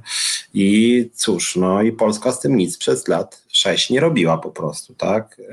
W związku z tym, no, prosili polski rząd. Prosili, żeby coś polski rząd z tym zrobił i niestety, no, polski rząd z tym nic nie robił, więc, więc Czesi już w pewnym momencie powiedzieli, drogi polski rządzie, my musimy coś zrobić, bo jakby psujecie nam tutaj, e, pogarszacie nam warunki życia, e, ustępy wody tam zaczyna wody brakować. No i cóż, cóż, cóż, cóż, cóż Czesi mieli z tym zrobić, tak jak ta kopalnia łamała standardy? No to trochę tak jak ja miałbym sąsiada, który nie wiem, bez przerwy by wokół mnie były, nie wiem, jakoś strasznie dużo, no nie wiem, jakiegoś szamba na przykład wylewał. I e, ja bym mówił, przepraszam, proszę z tym szambem coś z tym zrobić. Taka za sąsiad przez miesiąc, dwa, trzy, cztery mówią, nie, nie, nie, szambo, co prawda nie da, panu się nie da żyć, no ale nic na to nie poradzę, bo ja tak chcę, bo to jest moja, to szambo jest moją dumą narodową.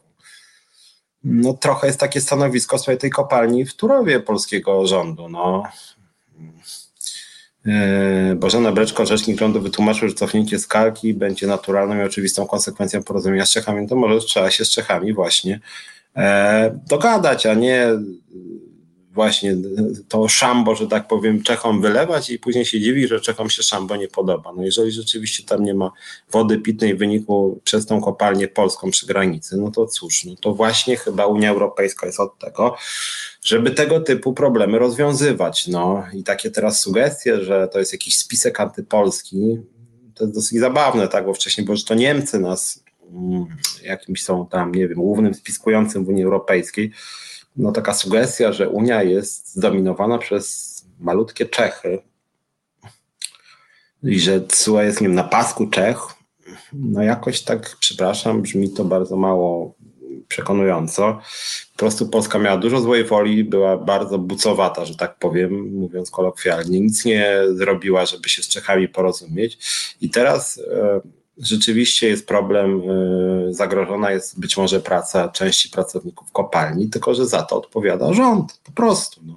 W związku z tym, moim zdaniem, to nie powinno być tak, y, nie powinno być tak, że e, teraz y, różne siły, i to co ciekawe, nie tylko wcale PiS, ale na przykład nie tylko Solidarność, ale to PZZ, tak, mają mnóstwo ale myślałem, że w tej sprawie nie będą za bezprawiem de facto, walą na swoją stronę, my pełni solidarni, żadnej likwidacji, żadnego zamknięcia, żadnego ograniczenia, żadnego wyroku TSUE, tak, a Piotr Duda symbolicznie drze to stanowisko TSUE.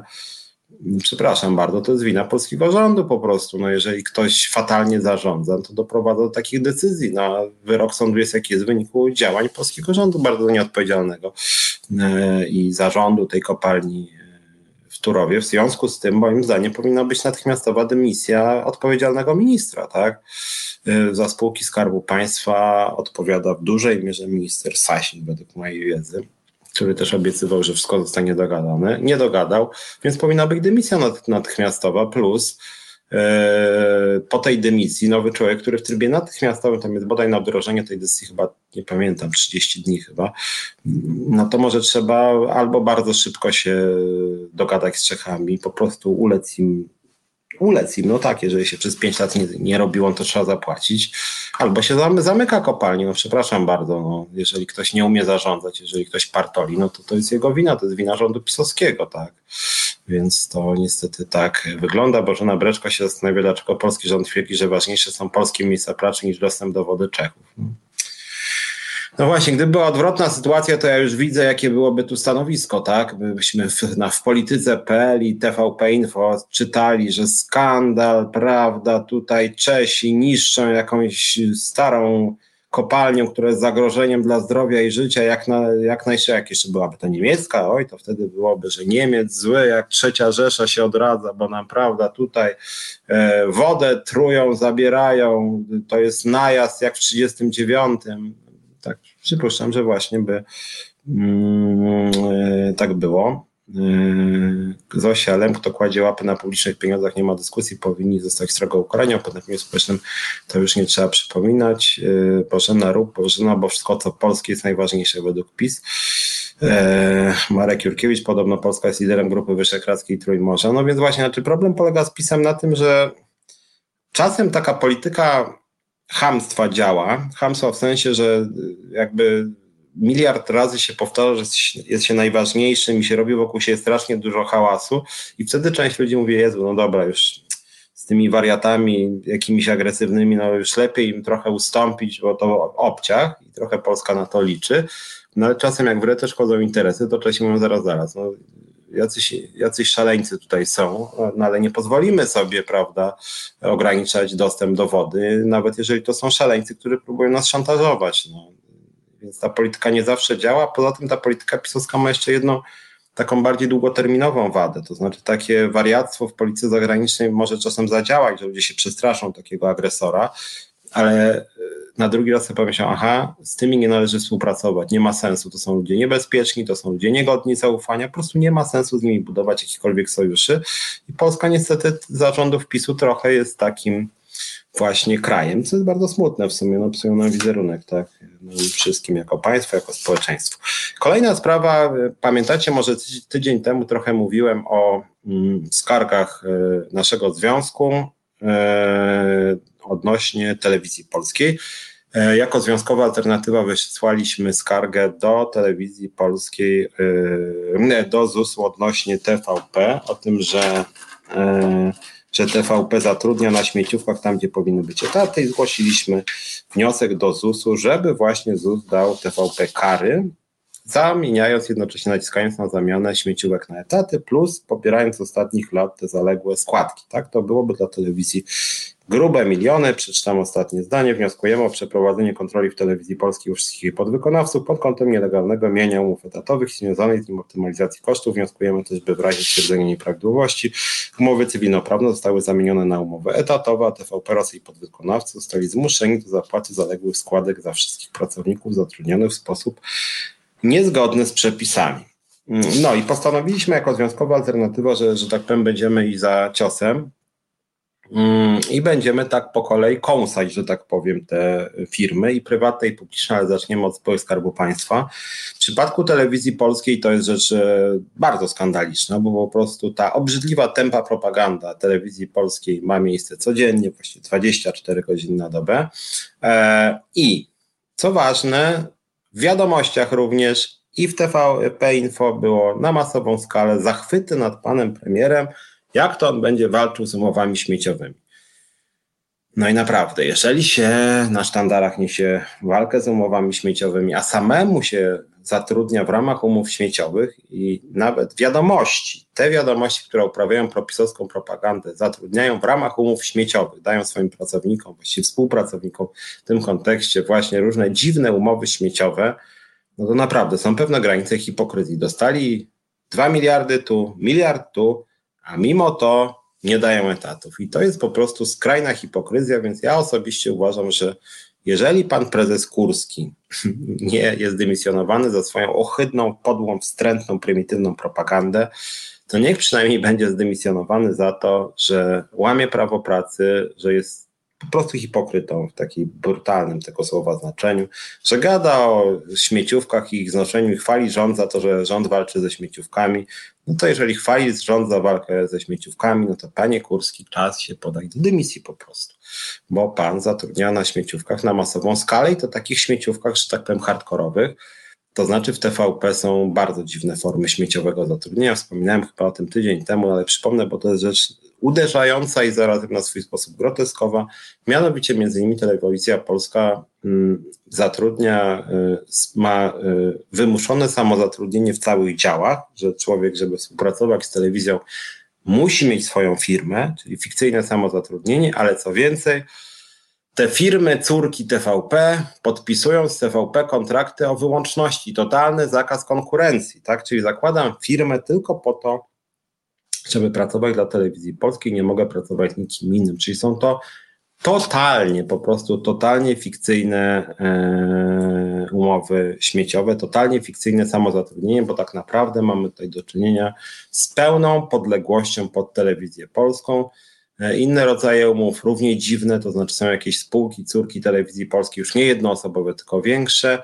Telewizja mm, wyznacza stawki dla pracowników w ramach tych spółek córek na przykład, nie wiem, 1000 zł za wykonanie jakiegoś tam zadania, a tymczasem spółka córka z tego 1000 zł na pracownika na wykonanie zadania bierze sobie prowizję, na przykład 20%, tak? A szefami tych spółek córek telewizji polskiej są często koledzy i koleżanki dyrektorów czy członków zarządu telewizji polskiej, więc jest to po prostu układ, którym łamie się prawo, w którym promuje się umowy śmieciowe, w którym omija się prawo pracy, w którym polskie państwo traci, bo, bo w ten sposób e, TVP i jej spółki córki uciekają przed płaceniem e, składek emerytalno-rentowych.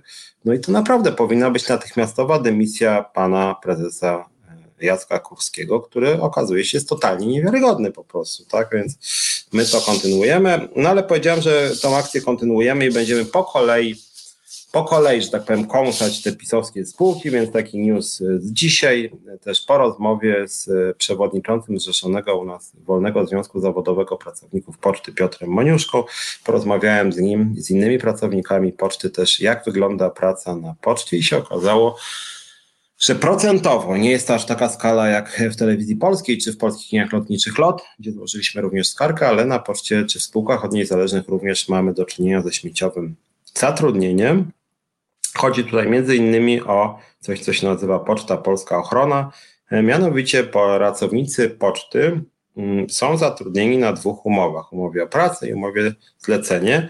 I tutaj dochodzi nawet do takich dziwnych sytuacji, właściwie kuriozalnych trochę, że podczas trwającego konwoju najpierw się kończy etat i później zaczyna się umowa cywilnoprawna i podczas jednego konwoju pracownicy często przechodzą od etatu do śmieciówki albo odwrotnie, tak? Czyli wykonując de facto te same obowiązki, całkowicie sprzeczności z kodeksem pracy, mają dwa różne rodzaje umów, na czym oczywiście też e, finanse niekiedy są stratne. E, I również podobne rzeczy mają miejsce w pionie operacji logistycznych, gdzie dla odmiany poczta korzysta z agencji pracy tymczasowej. Tutaj też e, są umowy niestandardowe. E, no i to jest kolejny przykład spółki Skarbu Państwa strategicznej, która zatrudnia w ramach umów cywilnoprawnych, często poprzez jakieś spółki, córki, córeczki jakieś dziwne. I naprawdę, jeżeli PiS chce konsekwentnie, to usłyszeliśmy od pana prezesa, od pana premiera, walczyć z tymi śmieciówkami, no to walczcie z tymi śmieciówkami. My wam bardzo chętnie Pomożemy, my piszemy kolejne skargi, to będzie kolejna dzisiaj wysłana skarga do Zakładu Ubezpieczeń Społecznych właśnie w sprawie omijania przepisów e, na poczcie. Zachęcamy bardzo do tego, żeby pan Morawiecki, pan Sasin, tak, zajęli się tymi patologiami. Pan Sasin, według mojej wiedzy, nadzoruje tak LOT, jak i nadzoruje y, pocztę. Dla odmiany TVP nadzoruje pan Gliński. Więc proponujemy, żebyście zajęli się tym Chcecie walczyć ze śmieciówkami? Nie macie na razie żadnej ustawy? Okej, okay, no nie macie. No ale możecie coś zrobić. To są spółki wam e, podległe, więc możecie tutaj zawalczyć o to, wymusić na tych panach prezesach, żeby właśnie zamieniali nielegalne śmieciówki na legalne i obowiązkowe w tej sytuacji etaty, bo Sznabreczko pisze, że w bankach jest podobnie, rzadko kto jest na etacie, większość na outsourcingu. No właśnie, to, że jest outsourcing, outsourcing nie musi być niezgodny z prawem, ale jeżeli outsourcing służy wyłącznie temu, żeby, e, żeby uciekać od zatrudnienia etatowego, no to jest bezprawie po prostu, tak? Są przepisy polskiego prawa, są jasno określone kryteria, kiedy ma być etat, a kiedy może go nie być i tyle.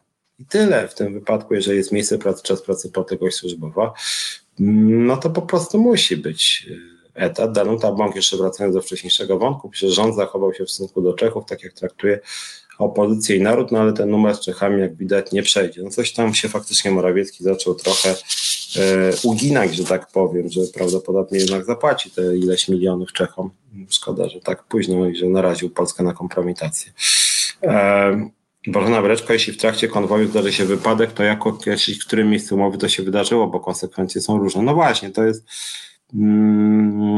ciekawe właściwie pytanie. Może jak Piotra zaproszę też do nas, to też o tym e, porozmawiamy. Paweł Rób w Niemczech takie praktyki są nielegalne. No właśnie, jak może pamiętacie tutaj w resecie, jak były u mnie polskie opiekunki w Niemczech, rozmawiamy o tym dosyć często, to to w ogóle jakaś przepaść jest, tak, że niemieckie opiekunki są na umowach etatowych w ramach układu zbiorowego, mm, co najmniej 10 euro za godzinę pracy, tam ponad 10 euro jest nawet, Tymczasem polskie opiekunki właściwie żadnych limitów, y, limitów czasu pracy nie ma, limitu wynagrodzenia, nie ma dolnych oczywiście, e, nie ma żadnej ochrony. Y, jak odstępie od pracy też musi płacić duże pieniądze, nawet jeżeli, jeżeli ta druga strona, agencja zatrudnienia łamie, łamie warunki umowy. No to są właściwie same patologie tak naprawdę.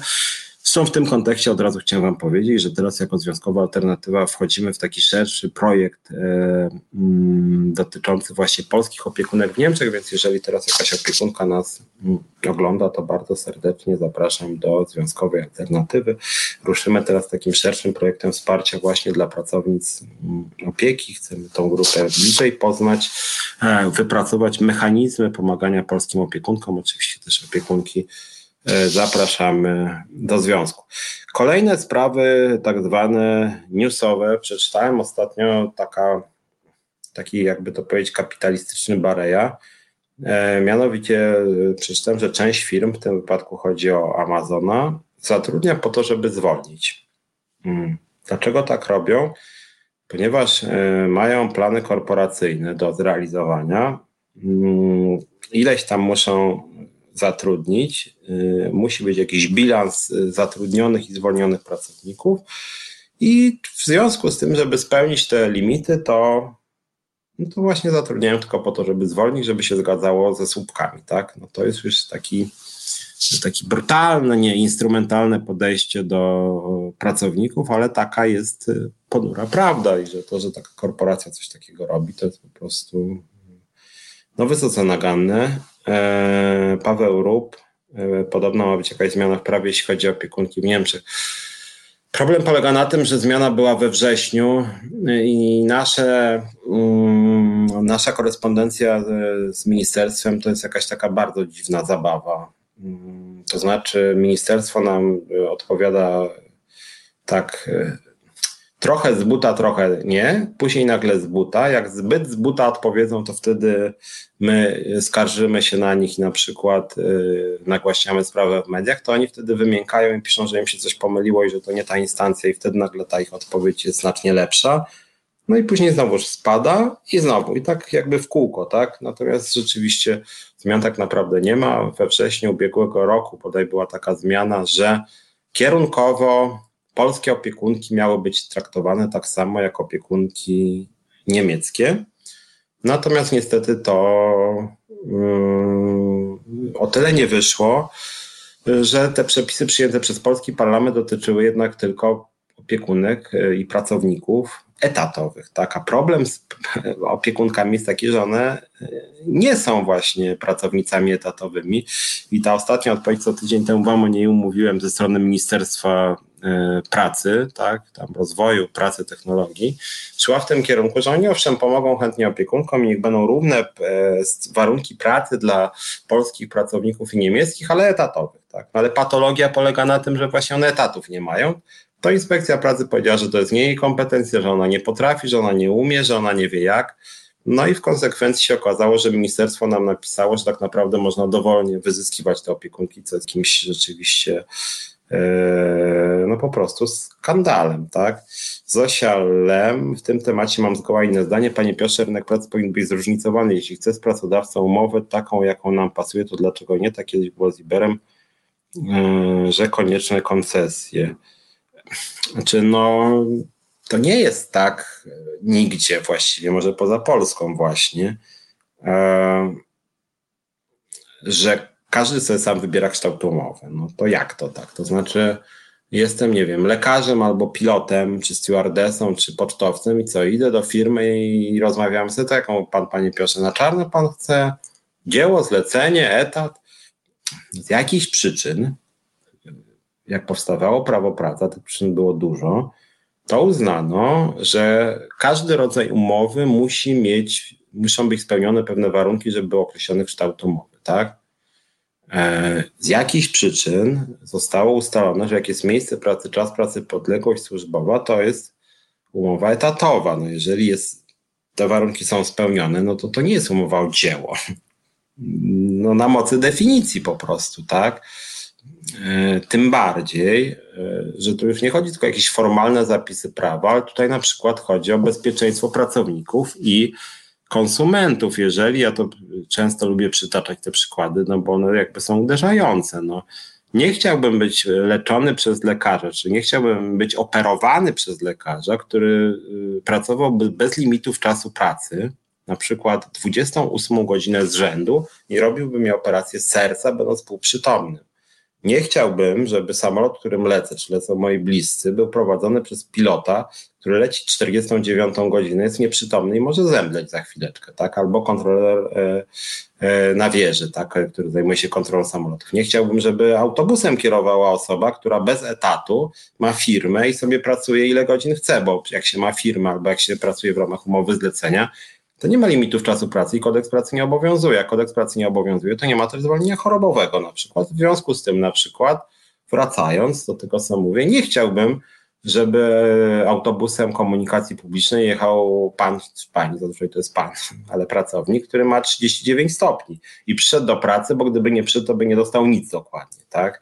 Zero. W związku z tym nie zgadzam się z tym, że każdy ma mieć taką umowę, jaką chce. No to co, to może od razu na czarno zalegalizujemy. Jak ktoś chce na czarno, to na czarno. Jak ktoś chce chory przyjść do pracy, to przyjdzie chory do pracy. No jak zabije później przez to 100 osób, to trudno, bo wolny rynek.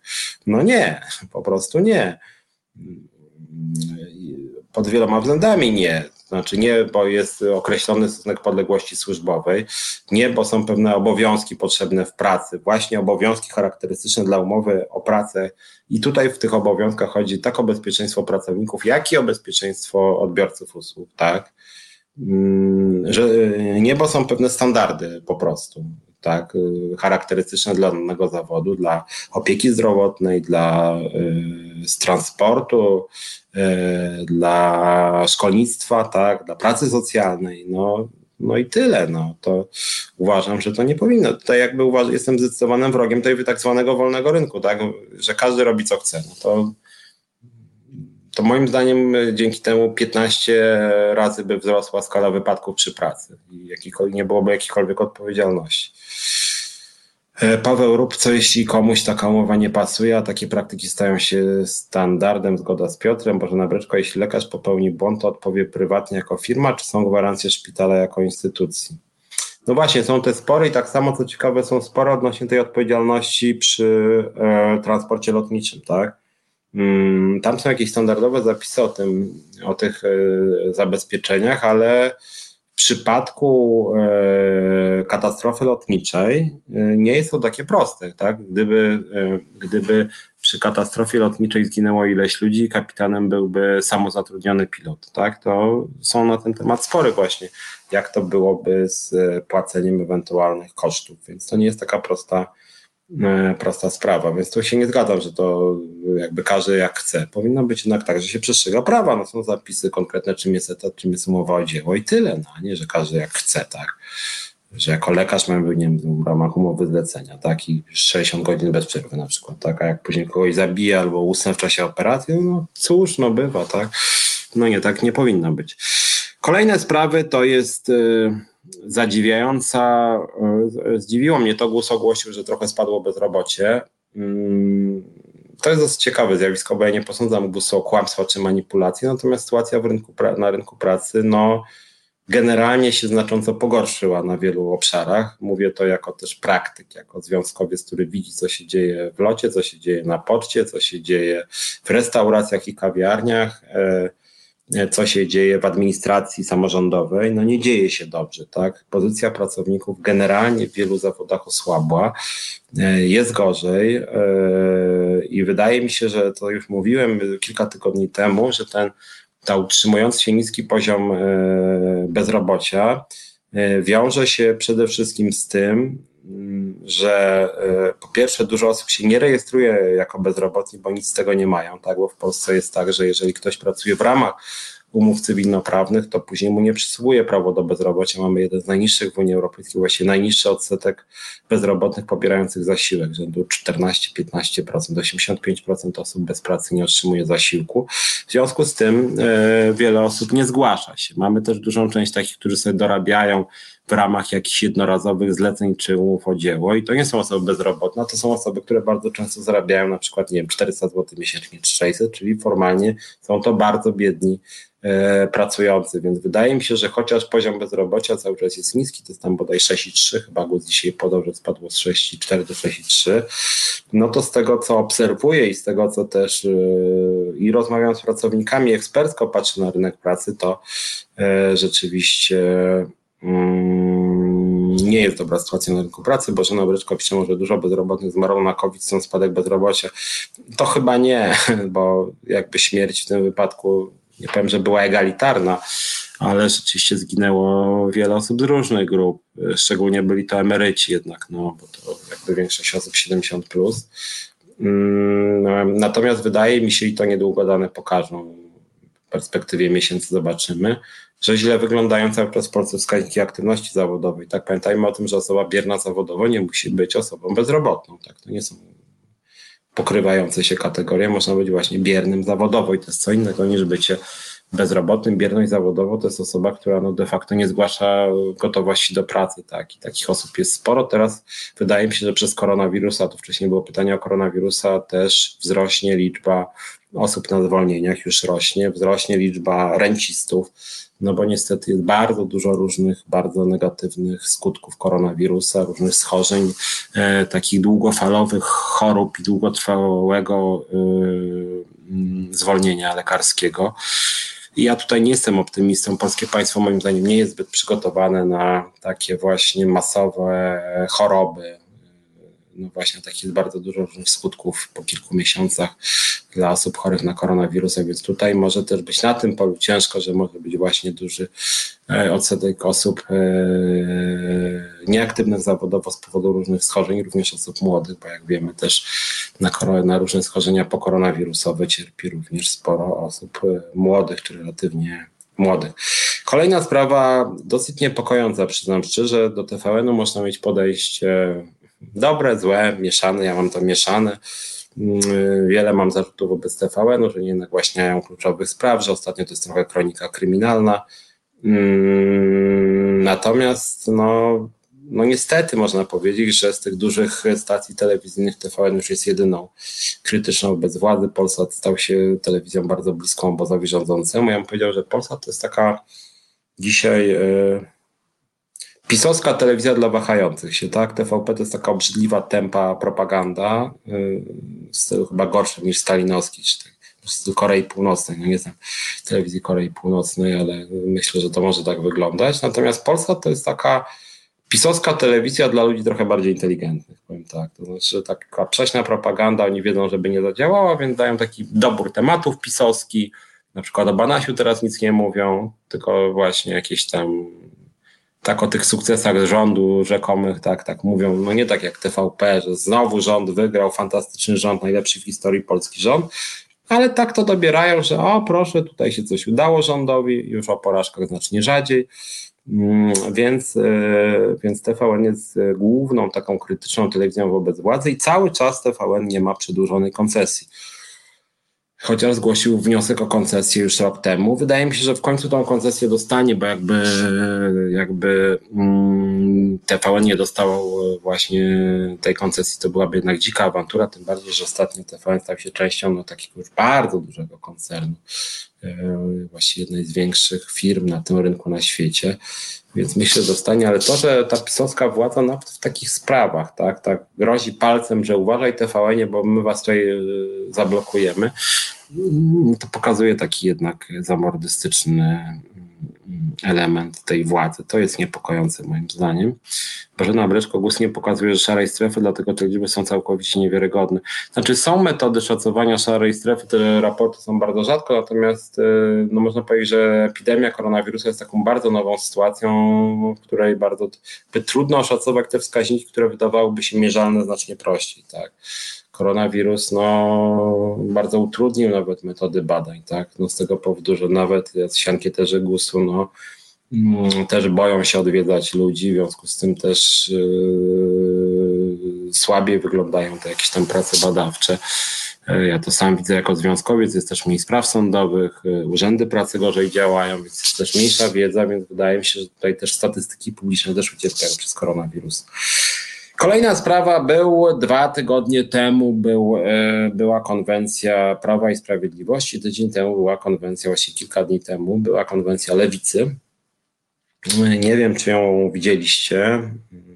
No ja tak na nią zerkałem, starałem się poznać, przeczytać ten e, projekt Lewicy i muszę wam powiedzieć, że mm, ogólnie jestem rozczarowany. To znaczy niezmiennie mam takie poczucie, że mm, Lewicy i Platformie, w ogóle polskiej opozycji, zdecydowanie brakuje ekspertów i ekspertek. Ja nie wiem, na co oni wydają te pieniądze, które dostają na posła czy posłankę. 12 tysięcy idzie na jedno biuro poselskie.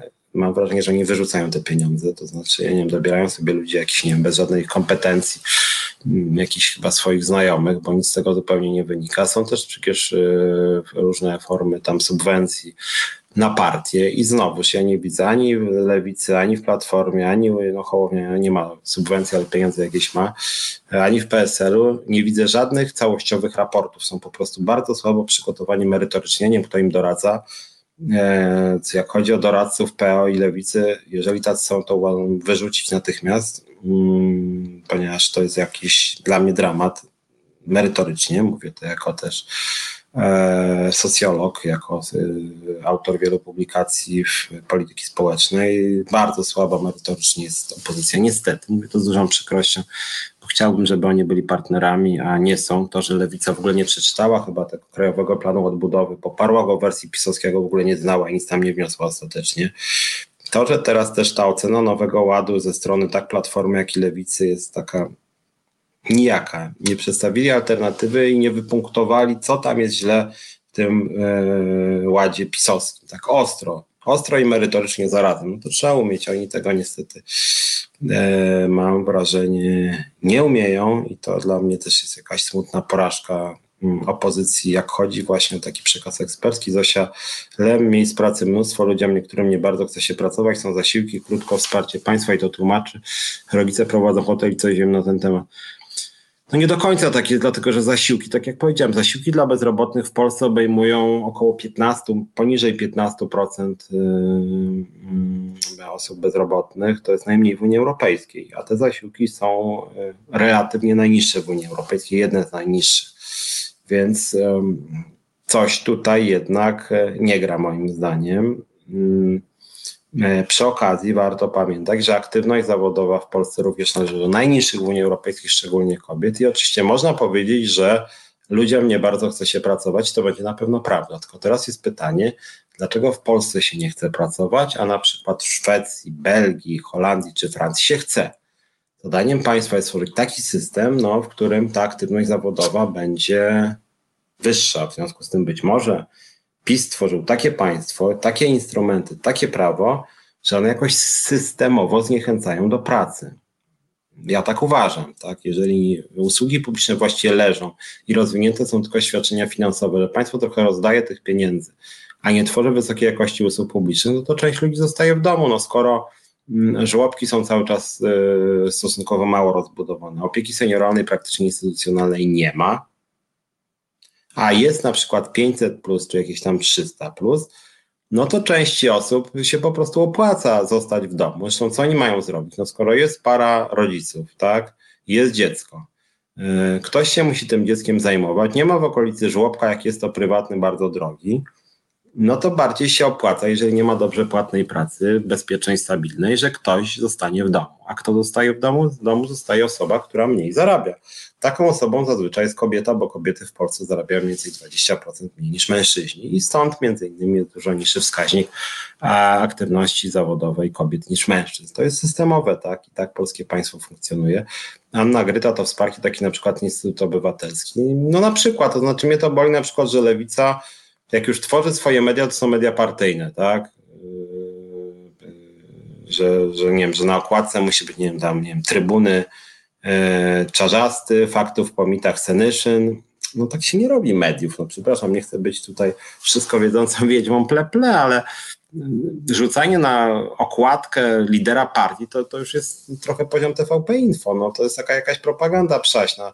Wydaje mi się, że lewicowe media to są takie media, które nagłaśniają lewicowe tematy, zajmują się nierównościami, ubóstwem, mm, robią śledztwa dziennikarskie skierowane przeciwko prawicowej władzy, a nie, że po prostu lewicowe media polegają na tym, że promują polityków, którzy się uważają za lewicowych. To nie jest lewicowe, to jest propaganda partyjna po prostu. No, moim zdaniem media jednak powinny być od partii jakichkolwiek niezależne po prostu, tak? E, a jeżeli politycy chcą wesprzeć media to powinny dawać środki jakieś tym dziennikarzom, nie na propagandę partyjną, tylko właśnie na dobrą robotę, tak? na nagłaśnianie różnych patologii, na e, mówienie, jak o lewicowe media, o nierównościach, o wykluczeniu społecznym, pokazy, żeby one pokazywały, nie wiem, jakąś sensowność egalitarnej perspektywy, negatywne skutki różnych form wykluczenia czy dyskryminacji. Tak mi się przynajmniej wydaje.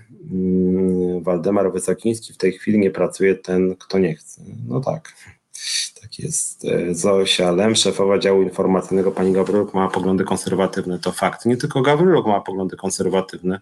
Rymanowski też, e, ten Jankowski ma. e, No niestety, tak jest. Mm, Joanna Gryta popracuje na 4000 opieki nad rodzicem w placówce. No czy właśnie o to chodzi, opieka senioralna w Polsce to tam 4000 mniej więcej miesięcznie, albo i 5, więc strasznie dużo. Yy, Czarzasty chce trochę skopiować Korwina Mikkego i to bardzo nieudolnie. No niestety dla mnie to jest trochę żenujące, że tam, nie wiem, Czarzasty coraz częściej przeklinał na przykład. Dobra, za chwilę muszę kończyć. Yy, Nie mówiłem, znowu że zapomniałem o swojej książce, ale nie już mówiłem, więc tylko przypominam, zachęcam Was do e, lekturę mojej książki Bezbożnik przeciwko władzy religii. Przy okazji jutro o godzinie 18.30 e, na stronie facebookowej wydawnictwa Czarna Owca będzie dyskusja na temat tej książki, więc Was zapraszam, mm, też na YouTubie to będzie, więc zapraszam, żebyśmy sobie pogadali o moim bezbożniku jutro o 18.30. Zachęcam Was też do kupna mojego bezbożnika. To jest taka próba, perspektywa właśnie pokazania e, religii, nie tylko kościoła, ale też religii jako mm, takiego instrumentu władzy, przemocy, dyskryminacji, wykluczenia. Interesuje mnie społeczna funkcja religii, czy społeczne funkcje religii, więc z jednej strony książka jest krytyczna, z drugiej strony jest pewną taką socjologiczną diagnozą, czym jest we współczesnym społeczeństwie religia, więc zachęcam Was do tego, żebyście czytali. Reklamowałem dzisiaj książeczkę, już po raz ostatni zreklamuję pani Leokadii Oręziak, prywatyzacja emerytur. No i reklamuję też, zachęcam do lektury mojej książeczki Bezbożnik przeciwko władzy religii, natomiast muszę już kończyć. Mm, Więc wszystkiego dobrego Wam życzę i y, życzę Wam, żebyście w kontekście dzisiejszego programu pomyśleli trochę nad tym, jaki powinien być system emerytalny. To była taka lekcja i taka misyjność dzisiejszego programu, bo temat jest naprawdę bardzo ważny.